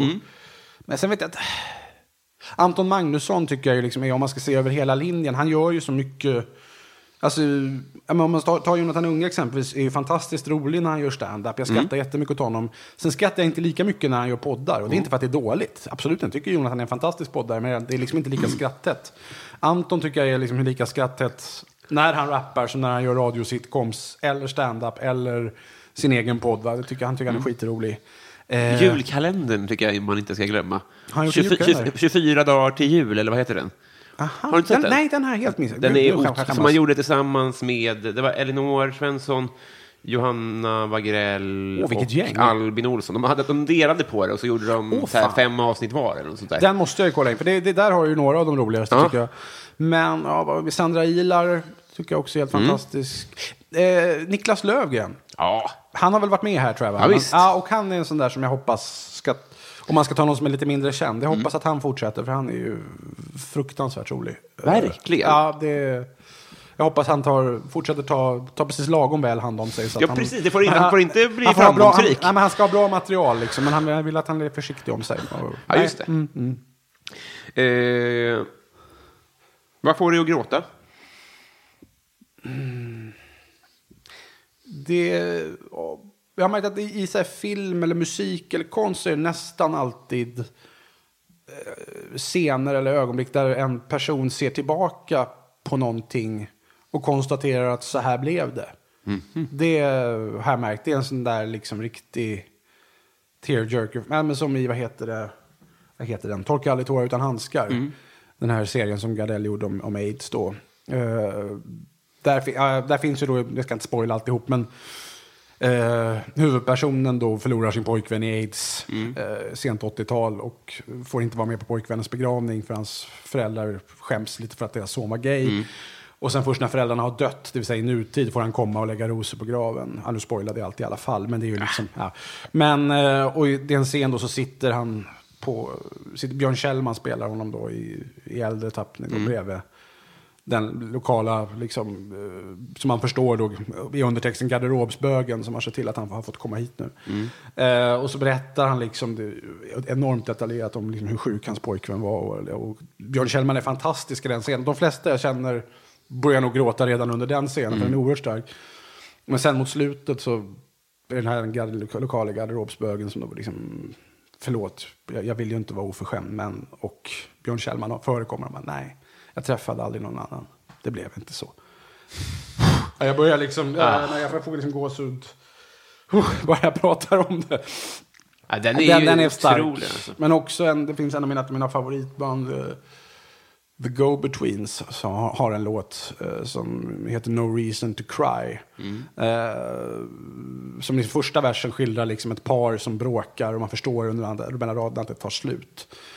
Och sen är refrängen liksom raden om But there's no reason to cry om och om igen. Och sen i andra versen så får man plötsligt veta att det här var ganska länge sedan. Andra versen går så här. Been 15 years since we last spoke. The wounds have healed on my throat. Uh, the autumn sun's a creamy haze. On Fox Hill Green I lose the day. But there's no reason to cry. Gotta find a reason. Så man förstår ju liksom under texten att han borde ha kommit över det. För det är så länge sedan och de fysiska såren har liksom... Såren, han, han sjunger nämligen första versen om att de bet honom vid något tillfälle att de blev så arg på honom. Att det såret har läkt. Och han borde inte, han har ingen anledning att gråta för det är så länge sedan. Men han gråter ändå fortfarande för han har inte kommit över det. Också, så- nu, återgår, nu blev det väldigt krångligt i min återgivning där, men det, ja, jag kan inte, det är en sån där låt som jag inte heller kan höra utan att bli alldeles... Gud vad fint. Va- Vilken, vilken häftig insikt att veta att det är sånt du gråter åt. Det var så specifikt. Ja, nej, men jag, jag gråter väldigt lite tyvärr. Eh, men det är, det är mycket sånt som, ja, i sådana filmer som när folk ser tillbaka och bara, nej, så här blev det. Väldigt fint. Ja. Jag har två stycken Varför heter det X och inte Y på Torka aldrig tårar utan handskar. Vill du höra dem? Ja, Varför heter det Torka aldrig tårar utan handskar och inte Inte nudda mark? Hepp. Mm. Den var lite bättre än den här som gick på 90-talet när jag var liten, att Jonas Gardell har en finne i arslet. Ja, just det. Ja, men- den, den var inte så Det var bra. också någonting om... ja, Just det, nej, men det var bara valutan, att den svenska kronan ligger under den finska marken. Eller vad, man skulle gräva, jag kommer inte ihåg. Men det var ju inte något bögskämt, det var ju bara en... Ja, det funkar ju inte när de gick med i EMU sen, det var ju superotydligt. Den andra är, varför heter det torka aldrig tårar utan handskar och inte ollande till annans död? Vad tycker du om den? Då antyder man också, ah, nej, man antyder, ja, antyder man då att Holland är en exklusivt homosexuell aktivitet? Nej, den är inte lika logisk, men den är rolig. Värdigt hanterande av den gråtmilda stämningen Ja, mig, precis. Nu gick man direkt på bögskämten. Det är bra. Bla, bla, bla. När kommer du till bögskämtet? Nu ska vi inte vara så känslosamma här. Nej, det Så... så... Simon Gärdenfors jag sitter med här helt plötsligt. Ja. Äsch. Eh, jag valde att hantera det så. Eh, vad blir du orimligt arg på? Mm. Nu så här, jag, är, jag är ganska lång. Jag är Mm. 1,90 lång lite drygt. Jag, jag, jag blev förvånad. Ja. Mm. Ja. Väldigt stilig. Tack så mycket. Tack så mycket. Eh, och jag har långa ben och Mm. jag går oftast väldigt fort. Eh, jag älgar fram, brukar en kompis till mig säga. Mm. Eh, och då kan jag ju bli fruktansvärt arg i mitt huvud om jag kommer gående jättefort och är på väg någonstans. Och så säger jag att ja, men det, det är en liten gata i Stockholm och det är fullt med bilar ute i gatan, så jag kan inte gå ut i gatan. Och på gatan, på trottoaren så är det, kommer det liksom en dagisklass som går jättelångsamt. Det finns ingen möjlighet att gå om dem på något sätt. Jag måste sänka tempot, jag måste ta deras tempo. Jag måste gå där långsamt, stega fram. Då blir jag ju vansinnig. Ja. I huvudet... Men, det, men som sagt, det är i huvudet. Det är inte så att jag börjar skrika, utan i huvudet är jag rasande. Bara, men flytta på er för helvete. Och det är inte så att du har bråttom någonstans specifikt? Nej, det är bara att jag måste sänka tempot helt plötsligt. Men det kan också vara som jag går in på, säg att jag går in på ICA så vet jag ju regel på mitt lokala ICA var allting finns och jag vet på förhand var jag ska handla. Och i huvudet så är jag ju liksom, när jag går in på ICA, i huvudet har jag ju redan gått därifrån. Det här ska jag ju liksom, det här är bara att riva av. Jag vet ju var de här grejerna finns. Det ska liksom bara, det är egentligen redan överstökat för mig. Och då är det ju inte så jävla bra, om det då liksom helt plötsligt är någon som står, eller kan bli kö i kassan för att det är någon som har köpt jättemycket och dessutom långsamt lastar upp Just allting det. på bandet. Eller jag Kuponger liksom, och skit. Ja, eller om jag, det där skåpet som jag ska handla går inte att komma fram till för det någon annan som står där. Då kan jag ju liksom huvudet bli där. Det är lite samma mekanism som det här med att tror att jag inte kan, jag har aldrig riktigt lärt mig, mitt nyårslöfte i år är att lära mig knyta skorna ordentligt. Och jag tror att en viktig anledning till att jag är dålig på att knyta skorna är att när jag sätter mig när jag ska knyta skorna så har jag redan gjort det i huvudet. I huvudet är jag liksom redan, jag är i nästa steg, jag har liksom redan lämnat hemmet och är på väg att göra det där. Knyta skorna ska bara liksom bockas av. Ja, nu ska jag iväg och göra det här. Det känns som att du själv känner dig själv ganska väl. Att du, har liksom ett, att du liksom Ja. vet vad saker beror på. Förstår du vad jag menar? Ja, det är det här med att bli äldre tror jag. Eller så, så grunnar för mycket. Nej, men det, jo, men det, jag har börjat ins, inse det där mm, mer och mer. Så jag försöker, jag försöker, försöker lära mig så sakteliga. Men jag har lite det där, jag har svårt att ställa om. Alltså, jag, det var samma när jag, när jag, när jag tog körkort så gick jag på någon intensivkurs. Och de sa att, jag hade bokat en tid och sen kommer de bara, du, vi har fått ett, ett återbud på en tid en vecka innan. Och jag var så här, nej, fan, måste jag ändra planerna? Måste jag... Så jag tänkte, men vänta lite. Och då hade jag liksom ändå lärt mig så mycket att min spontana reflex i sådana där sammanhang är att inte ändra den uppgjorda planen. Men sen, och då fick jag liksom bara lugna mig, men vänta lite. Nu ska vi gå förbi den reflexen. Det kommer ju kanske vara så att jag behöver köra upp flera gånger. Och då är det ju, numera måste man göra det på så kort tid, va? det är två månader. Eh, Så då är det så här, okej, men då, då är det ju bra om jag har en vecka extra. Ja, men då gör vi det. Och då blev jag efteråt så där, fan, jag kanske har utvecklats lite. Jag börjar liksom inse att jag ska gå förbi den där första reflexen av att inte vilja, inte vilja ändra den uppgjorda planen. Bidde det körkort då? då? Ja, det blir körkort. Mm. Bra. Ja, tack. Gud, vad skönt. ja, det är skoj. Eh, jag hade, det var, Ja, det här var några år sedan i och för sig, men ändå. Ja. eh, har du varit i Rom Alpin? Nej, men det var nära tror jag en gång. Eh, för att min skola när jag gick på högstadiet, vi skulle till, jag tror att det var till Romme, någon sån här, någon sån här idrottsdag när man å- åker upp tidigt och åker hem igen. Eh, men jag blev sjuk. Jag, om jag var förkyld eller sådär. Och, så jag fick vara hemma istället. Eh, men det, det känns lite halvvarslat hela den grejen. Halvvarslat? Nej men att, att åka iväg på, liksom åka upp. Och hur, hur länge hinner man åka egentligen innan man ska hem igen? Nej, det alltså, när man var sju kändes det som en evighet. Men du har nog Ja. rätt i att det var liksom ett att åka på förmiddagen och tre på eftermiddagen. Liksom. Tusen spänn. Så det var nog inte... Nej, jag missar kanske inte så mycket. Eh, men eh, skedde all aktivitet på ön för er?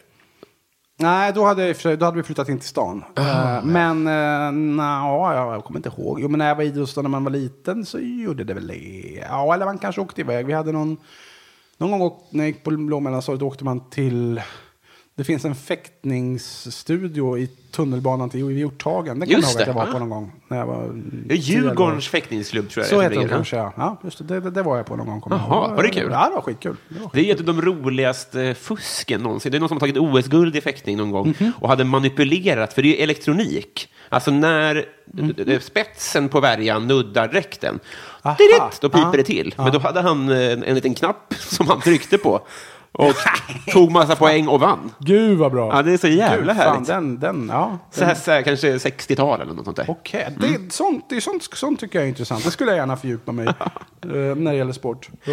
Eh, Nu har vi blivit eh, så, så nära man kan bli Patreon-frågorna. Oh, okej, okej. Vi drar i nästa jingeltråd. Ja, då passar jag på att ta lite... Bra. Patreon. Då kör vi Patreon-frågor. vi börjar med eh, stadens kafferost.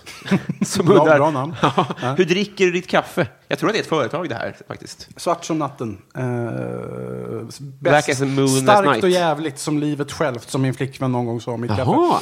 kaffe. Eh, starkt, ja, starkt, eller var det starkt och bittert? Jag kommer inte ihåg. Nej, men jag vill ha...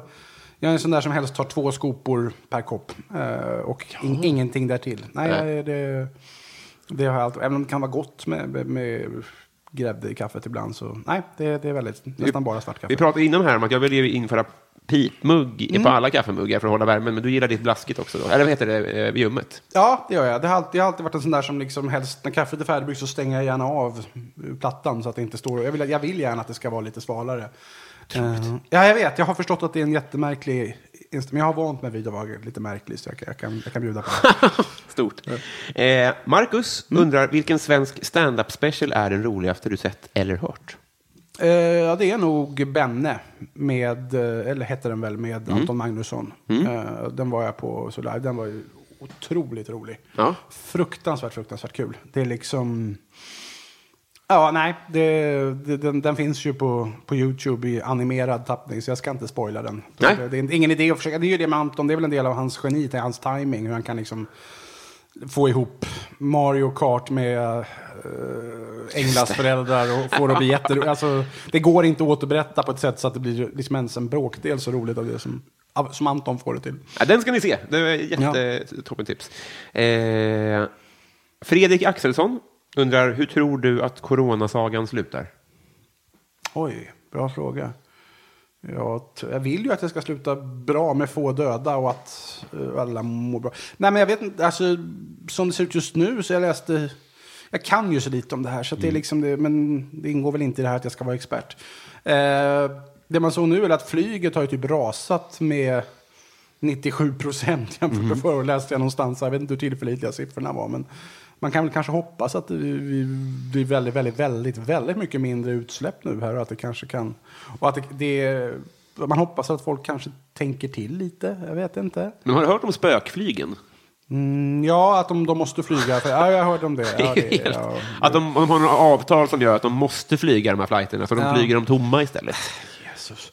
Nej, men man, jag vet inte. Man hoppas väl på att uh, någon sorts jävla wake-up call. Men å andra sidan, det var ju fruktansvärt varmt där sommaren 2018. Jag vet inte om det påverkade folks... Fan, jag kan så lite om det här, men jag hoppas att det ska sluta bra. Jag vill inte sitta här och spekulera om något jag inte kan. Kan vi få ett datum? Som När, när du tror att det är över? är... eh, Innan nästa högskoleprov, tack, för jag vill gärna skriva det. Eh, och det är väl vad det är, 18 oktober typ. Något sånt där. Ja, Ja, ja, ja. då säger vi det. Innan det. Perfekt. eh, Melvin Strömstedt. Också bra namn. Tror, jag har nämnt det tidigare, jag tror att han hatar mig. Eh, jag fatt, det är väldigt märkligt det här att han pumpar in pengar men fortfarande tycker väldigt illa om Ja, mig. men det är, jag har en snedtänkt lyssnare som hatar, som jag brukar skriva på Flashback, som hatar 90% av alla program, men ändå lyssnar varje vecka och kommenterar varje vecka. Framförallt hatar alla mig och David Nessle som är de mest återkommande gästerna. Tycker att vi inte ska vara med. Jo, men han pumpar väl inte in pengar? Nej, det gör han i och för sig inte. Men Jag- det, det, det, jag- är fint, det är fint att han orkar bry sig. Liksom, varför lyssnar han? Han så uppenbarligen ogillar Hatewatchar utom- du ingenting? Eh, nej, det tror jag inte att jag gör. Inte, det, ja, det är väl lite om man tittar på kalkonfilm, men det, det gör jag inte så mycket nu. För jag vet, men det är inte hate direkt heller kanske. det är med hjärta ändå. Ja, och lite så här, hur, hur kom det sig? Hur, liksom, hur var tanken bakom Sean Banan inuti Seanfrika? Eh, det finns en väldigt bra artikel om det som Filter, det? Filter har skrivit som man kan, som man kan läsa. Eh, nej, jag vet inte om jag Och hur fick de Johannes Brost? Ja, han, det, jag tror att den enda som vill uttala sig i, i den här artikeln är just Sean Banan själv. Ja. Som gör poängen att den här filmen, en massa halvdana filmer kommer ju vara bortglömda om 30 år, men folk kommer komma ihåg den här filmen för att den inte blev så bra. Eller att den blev så in, väldigt, väldigt, väldigt, väldigt inte bra. eh, nej, jo, men han skriver om det i sin självbiografi. Jag tror att det var att han ville komma bort från svenska vintern. Jag tror att det var så enkelt. Men det är också tur. Johannes då? Johannes, Ja. ja. Jag vet, men det är också lite, alltså, är det någon, har den filmen någon saving grace så är det ju Johannes Brost. För han är ju riktig skådis. alltså inget ont om Dr. Alban eller Kikki Dee eller... Eller, uh, Sean, alltså jag tycker Sean Banan i sin genre är fr- fruktansvärt bra. Jag alltså, också. som, som komiker. Eh, men uh, Rost är ju riktig skådis. Han kan ju liksom göra någonting av det här materialet. Var det inte samma år som Avalon också? Att han Ja, hade ja så, den kom, den kom. så Han, nära. han hade precis liksom gjort den här John Travolta Pulp Fiction-grejen och sen så gör han sin Battlefield Earth. Eh, jag tror, men jag tror, fan, det var en kollega till mig som sa att han hade träffat Johannes i samband med det här och sa sådär att varför gör du det här när du precis har gjort det här? Mm. Ah, men man, man måste ju finnas över hela fältet. Och, det, och, och min kollega var så här, måste man verkligen det? Men jag gillar att han gjorde det. Jag det också. man, man gillar Johannes Brost på något sätt. Synd att, han, synd att han gick bort så tidigt. Eh, vad var frågan? Ja. Minns du det? Nej, Melvin någonting som hatade dig. Ja, det var så vi började. Ja. Vilket, tack för att du påminde mig. Jo, han undrar om du kunde förändra en sak med hur du växte upp, vad skulle det då vara? Oj, vilken personlig fråga. Mm. Ja, men det är nog det som vi kanske som vi pratade om här tidigare. Det är väl att jag ska säga att du behöver inte. Du behöver inte. Jag ska säga jag skulle låta mig själv vara nybörjare väldigt mycket mer än vad jag har låtit mig själv. Alltså jag har tänkt att jag ska vara superbra på allting jag tar mig för direkt. Och det är ju jävligt dumt. Men det är inte det är först nu senaste åren som jag har börjat inse att ja, det är så jag har fungerat. Alltså, inte minst nu när jag håller på och räknat och sådär. Man måste liksom, du kan ingenting i början. Eh, och det är inte skamligt. Det är inte skamligt att fråga andra människor om hjälp. För det har jag nog haft jätteproblem med hela mitt liv. Jag har haft jätteproblem med att ta hjälp av andra människor. Och att, jättesvårt att erkänna att jag kan inte det här. Jag vet inte hur man gör. Berätta för mig. Det, det hade jag nog sagt åt lille Fredrik om jag hade fått träffa honom. Att för fan, det, det, är- det är ingen som dömer dig. Nej. Nej. Jätte, jättebra svar tycker jag. eh, Rickard Söderlund, vilken egenskap tycker du minst om hos andra människor? Eh, allmän jävla oginhet. Alltså människor som inte bjuder till. Ju Mm. äldre jag blir, ju svårare har jag fått för det. Alltså, jag, alltså, jag- och jag menar verkligen inte att man måste låtsas att man är jätteglad när ens mamma precis har dött eller något sånt. Nej. Men jag, jag blir liksom, jag, jag stör mig på människor som inte kan göra basic trevlighet. Mm. Eh, eller liksom åtminstone, jag menar, de flesta jag träffar är, är ju liksom inte scarred for life av något krig eller något sånt där. Nej. Nej. men folk som bara inte kan vara basic artiga och trevliga. Eh, Det behöver inte vara jättemycket. Men Nej. som liksom... Nej, som, som, mm, bara inte kan göra den det, det, det kan jag störa mig. Eller som snäsiga i onödan. Och det, det, det tycker jag inte om. Det, det ogillar jag som fan. Det där är superintressant. För jag, jag upplever att för egen del, jag säger inte att jag är eh, generellt generös eller liksom mer gi- ogin än någon annan, om man kan säga så. Men när, när, man, när man var 17 och gick på fest, då, stod man liksom, då hade man påsen med bärs mellan knäna. Det bjöds inte på någonting och det var liksom standard. Men sen blir man vuxen och inser att det, är- det, det är astrevligt Ja. att få ställa fram eh, snittar. Alltså det känns skönt i magen. Jo, jo, det gör det. Men, alltså, men, det, det, Och så det, känns det som att vissa inte har blivit vuxna. Nej, men det kan... Det är något sånt, typ. Ja, nej, men det kan jag väl möjligen förstå. Alltså, det är inte så farligt, men det är mer som jag hade någon bekant eller en, en god väns kompis som jag träffade lite då och då, som jag som alltid försökte vara trevligt. Hej, Johanna kan vi säga att hon Mm. hette. Det hette hon inte. Men vi säger det. Hej Johanna, hur är, hur är läget? Mm. Jaha, eh, eller vid något tillfälle träffade jag henne. Jag visste att hon hade fyllt år nyligen. Grattis för sådana. Tack. Så, eller så här, man försökte vara lite så här, ja, hur var hände för dig då? Hur går det för dig? Jo, det är inte mycket. Så här, och liksom alltid, alltså så här, snä, här härmar inte den här Johanna så bra, men så här snäsig och Ja. lite så där, och jag, jag, ja, nej, jag vet inte, jag stör mig som fan på det. Eh, nu låter jag superbrackig här, men det, det bjuder jag på. Verkligen inte. Nej, men det, jag vet inte. Jag, jag, alltså, jag, återigen, jag kräver inte mycket, men man bjuder till lite i alla fall bara. Det är liksom... Sen behöver man inte säga, jag har all förståelse för att man inte har, har råd med så många öl eller så. Det, det, är inte, det är inte det, utan det är bara allmän lite basic trevlighet. Så Ja. Det tycker jag, tycker jag om. Man kan även mentalt försöka undvika att ha påsen mellan knäna. tycker jag. Ja, men, ja, men kanske mer så då. Precis, precis. Eh, Andreas Sigelin, han undrar vilken som är din favoritglass of all time. Oh, eh, Visst är det härligt med en med en man som rimmar på Piggelin som har en glassfråga? Vad hette han? Sorry. Siggelin. Ja, det är jättebra. Det fanns en låtskrivare förr i världen som hette Gunnar Versén. Det tycker jag också är väldigt kul. Att det är Ja, här- just det. Kalanka namn Perukmakare Per Uken. Robert Tennisberg, sportjournalist. Han kunde ju inte bli något annat. Annika. Winst på Nordea, va? Om hon är kvar. Förlåt, vad var frågan? Glass? Ja. eh, min favorit? Jo, men jag tyckte att de hade, när jag var i, jag vet inte det finns i Sverige fortfarande, men det var så här Mövenpick. Ja, det gör det väl. Nu finns det så här små förpackningar. Som är, Möbenpick? nej, Mövenpick. Aldrig hört. Nej, Mövenpick, nej, det och det var ju sån här riktig lyxglass. Så det var någonting jag väldigt, väldigt sällan hade råd med. Eh, men ibland köpte jag deras Macadamia Dulce, hette den. Uh, så här macadamia, och det tror jag aldrig att jag hade smakat tidigare. Den Är det var- här glasstårtan? Nej. Nej, de, har, de gör kanske sånt också, men det var liksom mer som en, vad ska man säga, surt. Eh, förpackningen, på, numera så är det liksom som små kuber, eller små, små, små fyr, fyrkantiga Jag googlar. block. Mö, möven... Fyrpan, Mövenpick. Möven. Jag tror att det är schweiziskt. Pick. Mövenpick, som ett ord. Där, Mövenpick. Då ska vi se. Bild på den, tack. På den tiden, Jaha, ja. eh, på den tiden såg de ut som så här avlånga sockerkaksformar. Och de hade de något som hette macadamia dulce som var macadamianöt och eh, sött och gräddigt. Och, eller precis lagom sött och gräddigt. Och så de här nötterna. Det var jätte, jätte En adlig Ben Jerrys är det. Eh, ja, kanske det. Jag vet inte när Ben Jerrys kom till Sverige. Jag tror inte att det fanns då. Men deras cookie dough är ju annars liksom... Det som finns nu är väl den, den och deras cinnamon buns. Ja. Svårslaget. Det är sånt där som... Apropå unna sig. Den där gången i veckan när jag äter glass, då, då blir det gärna någon av dem. Eh, Erik på Bistro Bromma undrar hur är din relation till djupt vatten? Liten favoritfråga faktiskt. ja... Menar han liksom mm, rent bokstavligt eller någon sorts Mm, jag metaforisk mening? Men du får verkligen tolka fritt. Eh, ja, jag hamnade någon gång på djupt vatten när jag var liten och inte kunde simma ordentligt. Det var inte så jävla kul. Nej. Nej, men den, numera är den väl helt okej. Jag hamnar så sällan där. Eller, ja, när jag gör det så åker jag väl båt mest. Mm. Nej, men eh, ja, nej, alltså, jag, jag simmar i och för sig. Jag tycker i och för sig om att kunna bottna när jag simmar. Jag tycker det är ganska det är skönt. Men nej, jag har inga större problem med djupt vatten idag. Mm. Men du har ingen sån im- relation. inverterad svindel så att, som vissa har? Eh, att jag kommer ut på djupt vatten och så får jag jättenoja. Ja, precis. Eh, nej, det tycker jag. Nej, nej, jag kan nog hålla mig ganska lugn där. Det tycker jag. Du känns trygg. Tack, tack så mycket. Eh, min syster, Elinor, eh, när du var liten... Det är din syster på riktigt, det är Ja, inte visst. hennes alias. Utan, nej. Nej, hon har, inte, hon har nog inte angett något alias, Nej, jag brukar bara eh, lufta den, det lilla Ja. skrytet. Eh, hon har varit gäst också faktiskt. När du var liten, vad ville du då bli när du blev stor?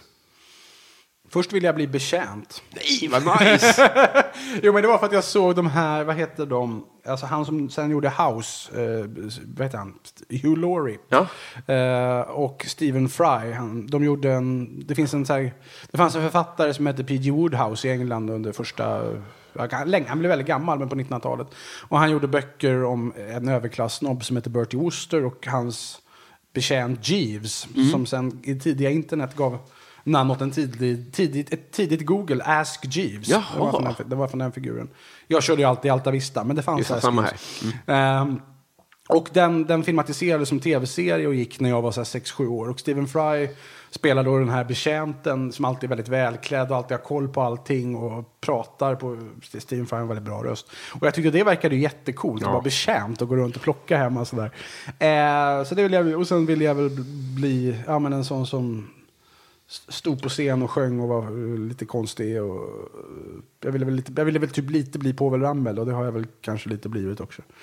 jag vet inte. Stora ord, men ja. ja, ja, ja, inte, inte, ja, ja, lite den andan kanske. Exakt. fall. Ja, men verkligen, verkligen. Det var inte meningen att vara taskig. Nej, nej, nej, det förstod jag. Det förstod jag. Eh, betjänt är ett ord jag har saknat. Jag har inte sagt det, men, men eh, jag, min go-to-betjänt är från The Nanny. Just det, just det. Han var ju också väldigt cool. Ja. Han var väldigt han var lite så här castad. sardonisk, lite så smårolig och lite torr och sådär. Ja, just det. Den har man inte tänkt på. Den här är Fran Drescher. Det var länge sedan man tänkte på den. Men den var rätt. Den tyckte jag om när jag var liten. Jag också. Ja. Eh, då kör vi... Eh, Marcus Wäterleinen undrar vem som är Sveriges mest underskattade komiker. Då borde jag svara den som alla svarar. Eh, han som gjorde Della Classico, som jag bara inte kan komma ihåg vad han heter. Um, Vad fan var det?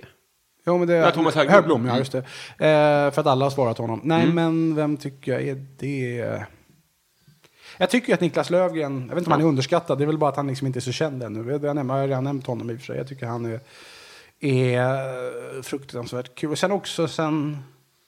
Ja, David Nessle har jag i och för sig alltid tyckt är väldigt rolig. Eh, sådär. Han har lite, det är skönt att han i, sent i livet har börjat satsa på saker som han är bättre... Alltså, David är en bra serietecknare, det är det han har gjort större delen av sitt liv. Men han är ännu roligare som liksom babblare. Och det är jättekul att han har börjat göra det nu mer med snedtänkt men också det här moralgranskande och sådär. Så David är en av de roligaste människor jag vet. Jag vet inte om det är underskattat, det var mer svar på en tidigare fråga. Men, eh, nej men vi kan väl säga Niklas. Jag tycker han är jätteskojig. Toppen.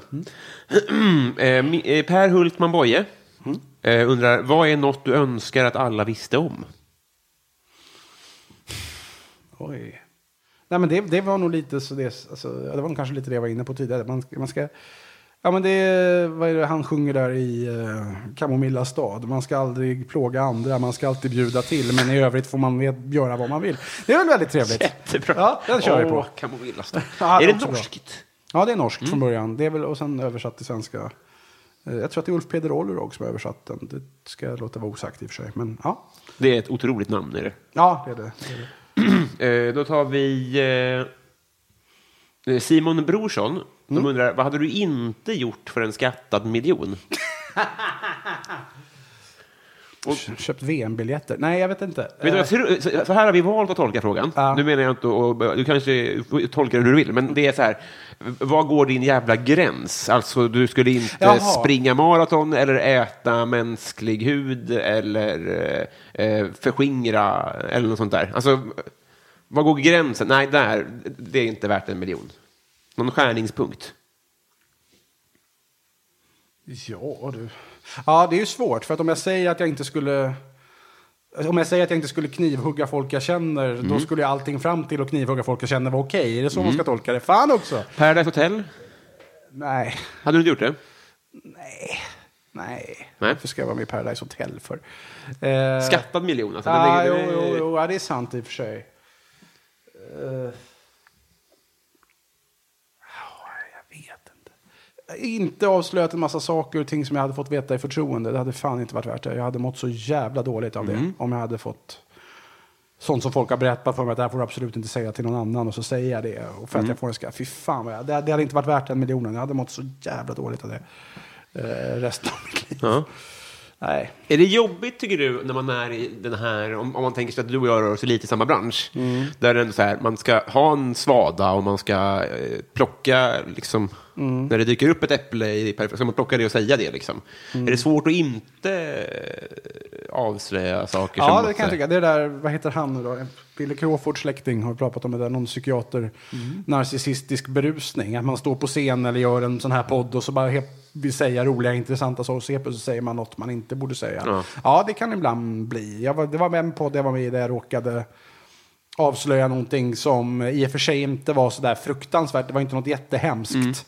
Och det förutsatte att en viss, några viss få personer som skulle lyssna på den podden som sannolikt inte gjorde det. Just det. Eh, och det var egentligen inte en jättehemsk sak, men det berörde, det gällde en person som står mig väldigt nära. Och då kände jag att där hörde jag faktiskt av mig, så att ta bort det. Risken för att, de här att fel personer ska höra det är nästan obefintlig. Ja. Men jag vill inte sätta den personen i den. eh, nej, det vill jag inte göra. Så nej, det kan, det kan vara knepigt. Det kan det. Bra poäng. Podcasten Värvet eh, undrar, eller vill att du berättar någonting om eh, dina föräldrar. Min mamma är läkare, eh, i- specialist på onkolog. Hon är onkolog. Vad är det? Eh, det är, hon är specialiserad på bröstcancer. Sen kan jag inte förklara hela ordet onkolog. Det är jättedumt. Jag har inte bara sagt det i mitt liv. Ehm, min pappa är pensionerad språkvetare. Han var eh, docent i lingvistik på universitetet nästan hela eh, sitt yrkesliv. Jävlar. Ja, ehm, ja det duger det som svar. Verkligen. Vad ska jag, jag vet inte. Jag fick, jag fick, eh, man, får- man får tolka den fritt helt enkelt. Det får man göra. Uh, Järnemyr undrar McDonalds eller Max? Max. Fast helst Burger King. I Ja, så fall. ja. Eller helst, helst, nu har de tagit bort den, de dumma jävlarna, men det är helst Prime Burger och den som de hade som heter Le, Le Burger, eller hur man skulle uttala det, med tre sorters jättegod ost. Åh, jävlar. Ehm, ja, franska ostar. Det, hade, det har de tagit bort. Om det är någon här nu på Prime Burger, beslutsfattande ställningar som lyssnar, så ta tillbaka Le Burger. Det var det sämsta misstag, största misstaget ni har gjort att ni tog bort den. Vad är Prime Burger? Är det en egen Prime kedja? Burger, ja, det är en egen kedja. De har några restauranger, jag vet inte om de har något annat än i Stockholm. Men de hade en nära, nära där jag bor. Ja. Och den, den var jätte, jättegod och så de hade en jättelänge. Sen tog de bort den, helst den. Men eh, av McDonalds och Max så helst Max. Gärna en offentlig ursäkt också. Av, Ja, eh, det vill jag ha. Det vill jag ha. eh, Martin Lundberg undrar, Mm. vad är ditt onödigaste köp? Jag har förstått att du inte är så prylig kanske, eller? Nej, jag, är inte så, jag köper det. Jag har väldigt lite så klimatskam av den enkla anledningen att jag har konsumerat väldigt lite och rest väldigt Ja. lite. Det är böcker då mest som jag har köpt. Onödigaste köp. Ehm. Jag har inte ens köpt en minidisk. Det hade ju varit jävligt onödigt om man hade gjort det. Det är nästan nice att ha nu. Ja, men jag har en kompis som brukar liksom så lite, nästan halvt på skämt, halvt på allvar berätta om när han var helt övertygad om att minidisk skulle bli nästa stora grej och satsade stort på det och så blev det ingenting. Men det, det, är, det är ju vår generations Tommy Steele. ja, det är lite... Ja, det har jag redan tänkt på, men det, det är sant. Men vad har jag köpt som är... Alltså, är det onödigt som att man inte har använt det så mycket, eller? Jo, men det onödigaste var när jag, som ung filmnörd köpte en jättefet, jättefin Stanley Kubrick-box på DVD. På Region 1. För den... Eh, för jag var jättestor filmnörd, jag älskade Stanley Kubrick. Och det var liksom, återigen, det här är så länge sedan att det var ovant att se filmer i någonting annat än suddig VHS. Eh, så att äntligen få se den, och det var ju fantastiska restaureringar. Men jag köpte den för, liksom, jag delade ut eh, tidningar på så som sommarjobb och så gnetade ihop till den där jävla boxen som kostade på Region 1 som kostade typ 1500 spänn. Eh, och så går det någon månad så släpps den på region 2 för 500. Eller något sånt där. Eller inte ens det, typ 300. Eh, sådär, det var ju lite, det var ju lite onödigt. DVD måste ju haft den kortaste... Alltså det, den, det fanns så kort tid. Mm, ja, Det blev så fort, rel- relativt ja. Det blev så fort nedladdning. Liksom. Eller Blu-ray, men det är samma sak nej, jag. det, tar- ja, det, var ju, det var ju lite mer än tio år i och för sig. Men ja, lite, ja, ja och nej. För det finns ju, jag hoppade ju på streamingtåget sist av alla. Men jag är lite besviken för jag kände jättemycket där jag faktiskt bara får gå till mina gamla DVD-er. Ta, ta fram den där kartongen, för nu vill jag se den här tecknarens kontrakt igen. Och den finns ju inte, hittar inte den på någon jävla streamingtjänst. Nej, då får man ta fram den där DVDn. Mycket sådana där obskyra grejer som jag har på DVD får jag fortfarande titta på på DVD. Ja, så det. det är inte riktigt sådär. Jag är inte riktigt med på att det var onödigt så. Jo, men där har man ju också några sådana här, man liksom köpte TV svenska tv-serier som sen kom på öppet arkiv. Ja, just det. Ja, och som nu ligger där forever. Det som är lite onödigt kanske. Eh. Läck, läckan köpte jag på DVD. Det här var dumt. Den kunde jag ha hyrt istället. Det hade räckt för det. Även om Jonas Uddenmyr är väldigt bra. Ja. Mm. Fattar Ja, men då har vi nämnt Jonas Uddenmyr i den här podden. Det görs också alldeles för sällan. Och något som heter Läckan. Ja. Eh, Adam Grenabo undrar favoritlåt just nu. Eh, något med, som heter Seabirds, alltså sjöfåglar, med ett australiensiskt band som heter The Triffids, som var halvstora på 80-talet, höll jag på att säga. Väldigt stora i Skandinavien har jag förstått. Med en sångare som heter David McComb och låtskrivare som heter David McComb som var ungefär lika produktiv som han levde ohälsosamt. Han blev väl bara 35-36 år gammal. Men de gjorde en platta som heter Born Sandy Devotional 1985 som jag hörde för några år sedan och som inte riktigt fastnade då. Sen så gav jag den en ny chans här nu nyligen och den är jätte, jättebra. Just Seabirds är en väldigt eh, konstig låt med en väldigt bra hook och det är berättelsen om en man, så här, det, är liksom, det är nä- nästan som en drift med så romantiska män i gamla sånger. Som man, det har tagit slut med hans kärlek och då bestämmer han sig för att kasta sig i havet.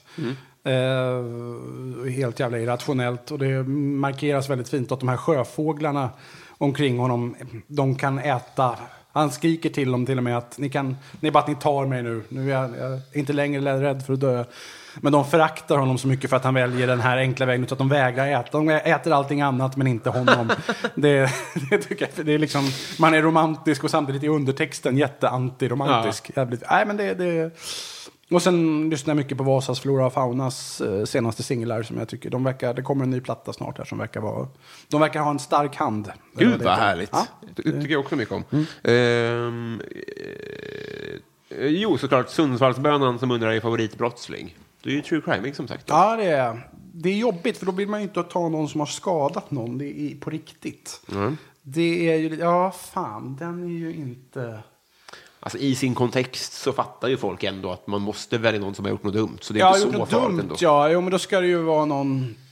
Men då ska man ju ta någon typ förskingrare eller någonting sånt där som har blåst folk Mm. med. För jag är ju jätteintresserad av diverse olika rättsfall och eh, en del historiska brottslingar. Men det Mm. Sänder lite tokiga signaler. Men tycker du det? Om jag säger fuck, marry, kill tre stycken personer, då tror inte att folk tror att du vill ligga med den personen, utan du har bara tvingats in i en fråga. ja, jo, det är visserligen sant. Det är mer att, då, där är det väl mer att jag har eh, favoriträttsfall. Mer som jag kanske är intresserad av. Nej, men vad fan. Eh, nej, men uh, Sickan i Jönssonligan är väl en bra skurk. Eller, Ja, fiktiv. Va, ja, fiktiv. Men fast Val Wallenberg kanske. Man vill mer vara Wallenberg. Man vill prata på det här sättet. Och har väldigt mycket pengar. Det vore snyggt. Just det. Ja, det... Lever han? Vem- Nej, Per Grundén hette han. Ja. Han var operettsångare egentligen. Så det passar väldigt, han passar väl väldigt bra för att göra just Ja. den typen av roller. Nej, nej men det, vi tar Wallenberg. Jag vill också ha en, eh, en riktig... Men du kan få ta ett fall om du vill, om du inte vill eh, glamorisera, eh, göra illa någon. Ja, eller om jag får ta fall, det här är inte min favoritbrottsling på något sätt, utan, men om jag får ta en historia som har intresserat mig, får jag göra så istället? Hemskt gärna. Nej, men det var ett fall med en man som heter Jan Källgren som blev dödad 1988 i en Stockholmsförort. Hans fru har varit i Norrland och hälsat på sin, eller hans sambo var det, hälsat på sin gamla mamma i Norrland över helgen och kommer hem och hittar sin man död. Och polisen kommer dit och de förstår att hans hembränningsapparat har varit framme. Han har haft besök av några människor. Och, eh, och sådär. Och att det, någon, det har liksom blivit det man kallar för fyllbråk. Va? Och så har någon huggit honom i bröstet med en kniv. Och en gammal granne har sett ett, ett, ett ungt par som han beskriver det. Han har, hört lite, han har hört hur det låtit från den här lägenheten och sen sett ett ungt par gå därifrån. Eh, och man hittar också en damklocka på platsen och lite fingeravtryck. Så polisen tänker att det här kommer vi klara upp jättefort. Men de hittar inte, de går, lyckas inte spåra den här klockan, fingeravtrycken finns inte i registret. Så så småningom lägger de ner det här. Det här var direkt efter Palme också, så de hade lite brist på resurser. Så. Och sen går det många år, det här är då och då med i cold case-program. Och då och då tas det upp liksom sådär. Och de, det finns DNA på någon cigarettfimp av, som de hittade där från, som är märket Gula Blend. Man, man märker, man, det, ju, ju bättre DNA-tekniken blir upptäcker man det är en kvinnas DNA. Och, sådär. och sen 25 år senare så tar Cold Case-gruppen upp det och en av Sveriges bästa mordutredare, Bertil Salin, sätter sig och går igenom det här. och Bara, okej, om jag hittar klockans ägare så hittar jag mördaren. Då måste jag kolla på de som hade sådana klockor bevisligen registrerade men inte kunde visa upp några. Och då till, ah, de flesta hade gjort förlustanmälan, men där är det en. Jaha, då ska vi se här. Oj, hon bor bara... När de var hemma och intervjuade eller förhörde henne så bodde hon bara en kilometer från mordplatsen. Och hon har en jättekonstig... När de först ringer upp henne och säger hon, jag har den klockan. När de sen kommer och hälsa på henne veckan efter, nej jag har tappat bort den. Jag råkade tappa bort den på badhuset.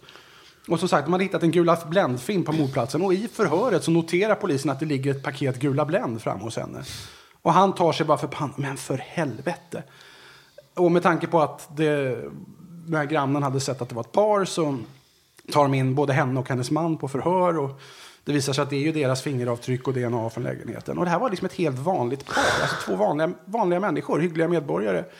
Som hade, man, kvinnan hade suttit på heta linjen som fanns då och kommit i kontakt med den här killen. Och ja, upptäckte, jaha, oj, du bor bara härifrån, en bit ifrån mig. Och så hade de gått dit för att hälsa på. Och som de beskriver hade han trott att han skulle få ligga med den här tjejen. Och nu- hade inte räknat med att hennes man skulle vara med.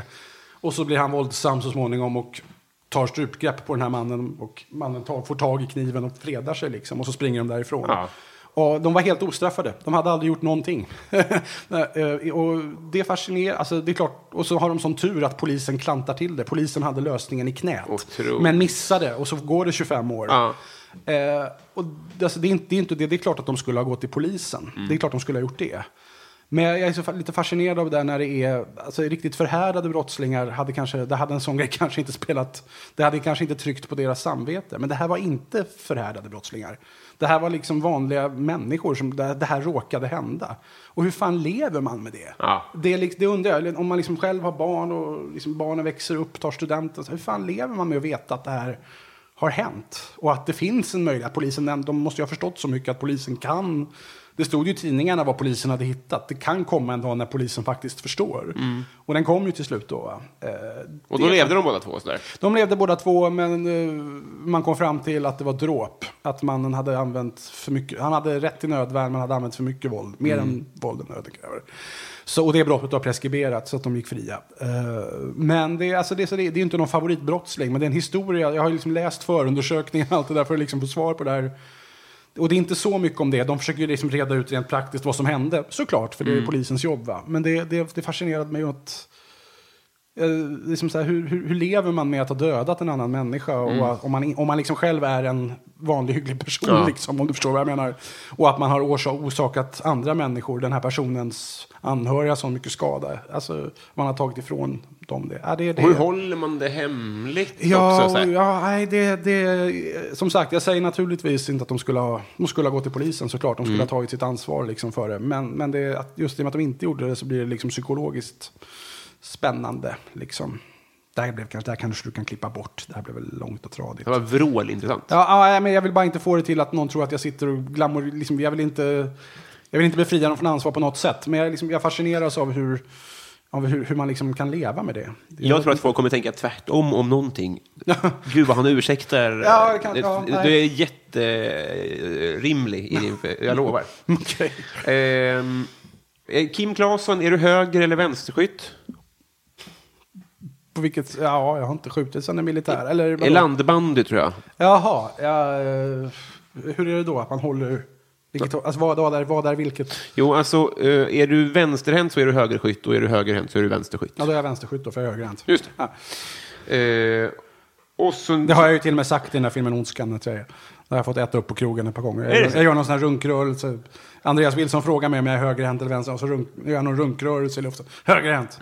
Den, den, den har jag fått äta upp. Fan, där borde på jag krogen. Det är ju askul. Det är ingen fara. Det är för alla Ondskan-fansen där ute. I know you're listening. Och så såklart då Rebecka Lindfors som undrar vilket tema ska en frågesport ha för att du ska ha störst chans att vinna. Svensk nöjeshistoria. Mm. Den behöver jag inte tvivla så himla mycket på. Har du någon, någon, någon oväntad eh, specialare? Eller har du liksom eh, blottat alla? Jag har ju, förr var jag jätteintresserad av trolleri och svenska trollkonstnärer. Eh, det har jag nog typ aldrig pratat om. Men det är nog för att det var så länge sedan att ku- kunskaperna lite har börjat sjunka lite för långt bak i huvudet. Men hade du frågat tonåriga Trampe så hade han nog kunnat prata en del om det. Otroligt. Eh, ja, eh, men det, så det är väl, ja, men jag har, jag har jag är nog, det är väl lite som med Kalle tror jag. Att jag vi gjorde, Lindahl, så vi gjorde, när vi började göra våran podd Della Morta som vi nu gör då varannan vecka. Så fick, det var en Aftonbladet som skrev väldigt positivt om, om podden. Det var väldigt trevligt. Men de, men de ska lite oväntat modernt börjar de med Percy. Och, jag bara, och det, det, är lite, det är ju alltså inte så att Kalle och jag slutade konsumera kultur år 1980. Utan vi har liksom fortsatt. Jag var inte ens född 1980. Eh, utan eh, sådär, men det är, man har profilerat sig. Jag tycker ju jättemycket om liksom väldigt mycket modernare grejer också. Jag kan inte säga att jag håller mig... Jag, jag har gett upp att försöka hänga med, för det kan man ju inte göra nu när det liksom är så totalt outsinligt utbud. Det kunde man på ett annat sätt när jag började som filmjournalist. För då var det liksom DVD, bio, tv. Eh, det är inte svårare nu. Så jag, jag, jag, jag gör inga som helst anspråk på att hänga med. Men jag ser ju mycket nytt och konsumerar mycket nytt också. Eh, så, ja, nej. Det, men ja, australiensisk indiepop kanske? Nej. Nej, det, det, nu tog jag över. Klipp bort det. Ja. Nej, det var jättekul. Ja. Eh, Slutord. Vi har blivit kompisar. Ja, vad roligt! Äntligen. Ja, vad roligt. Det, Det här, var, det här var jätteskoj. Det Jag var det si- Sitta verkligen. kvar. Har, har, ska jag tolka det här som att den här Nordpolsfrågan är borta nu? Nej, det- jag tvingas sålla. De är Ah. för många generösa Du lyssnare. har inte försökt muta människan och säga du får gärna byta fråga eller? Eh, Han är okontaktbar, men ekonomiskt oberoende tror jag. För han har betalat längst av alla. Jag tror han jobbar inom IT på något sätt. Ja, där ser man. Eh, kära du, eh, jag hade också väldigt gärna kunnat sitta en timme till, men vi har... Vi håller på en stund här. Ja, det blev fan ett tag ändå. Vill du göra reklam för någonting? Ja, man får gärna lyssna på min podcast Della Morta. Eh, som finns dels i en lite kortare gratisversion eh, lite varstans. Och sen kan man gå in på underproduktion.se och lösa ett medlemskap. För 29 kronor i månaden så får man då två fullständiga avsnitt om totalt ungefär tre timmar där jag och Kalle Lind babblar associativt om gammal underhållning. Ehm, och sen kommer jag ut med en bok i höst. Just det. Eh, Jag och Anna-Lena Lodenius och Martin Kristensson där vi skriver om den svenska, eh, svenska sexvågen i slutet av 60-talet och 70-talet och hur den påverkade kulturen när den sexuella revolutionen kom till, kom till den svenska kulturen. Ehm, den, heter, ah, den heter, än så länge heter den Frigjorda tider. Den kommer att komma ut i höst och är, kommer bli jätterolig. Den får man gärna läsa när den kommer. Gärna. Alla tiders. Ja. Jag överräcker här med ett eh, vänskapsband. Tack så Och- mycket. Och eh, Du, nu vet ju inte jag någonting om dig dock. Ja, det, det är ju den stora luckan i det här konceptet. Att, Men du eh, verkar väldigt trevlig tycker jag. det, det är vad det är. Ja. Men du är den intressanta av oss. Jag tror ändå att det blir bäst så här. Åh, jag ber, jag ber. Eh, tack för idag. Tack själv, tack själv. Det var jätteroligt. Samma. Hej då! Hej!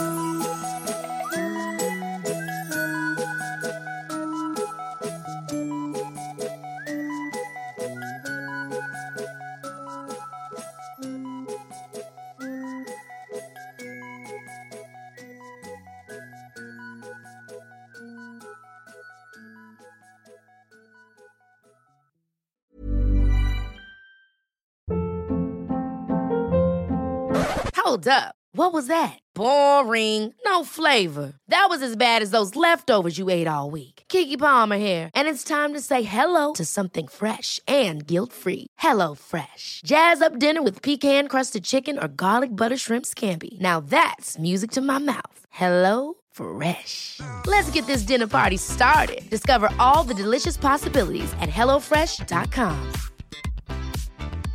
Even when we're on a budget, we still deserve nice things. Quince is a place to scoop up stunning high-end goods for 50 to 80% less than similar brands.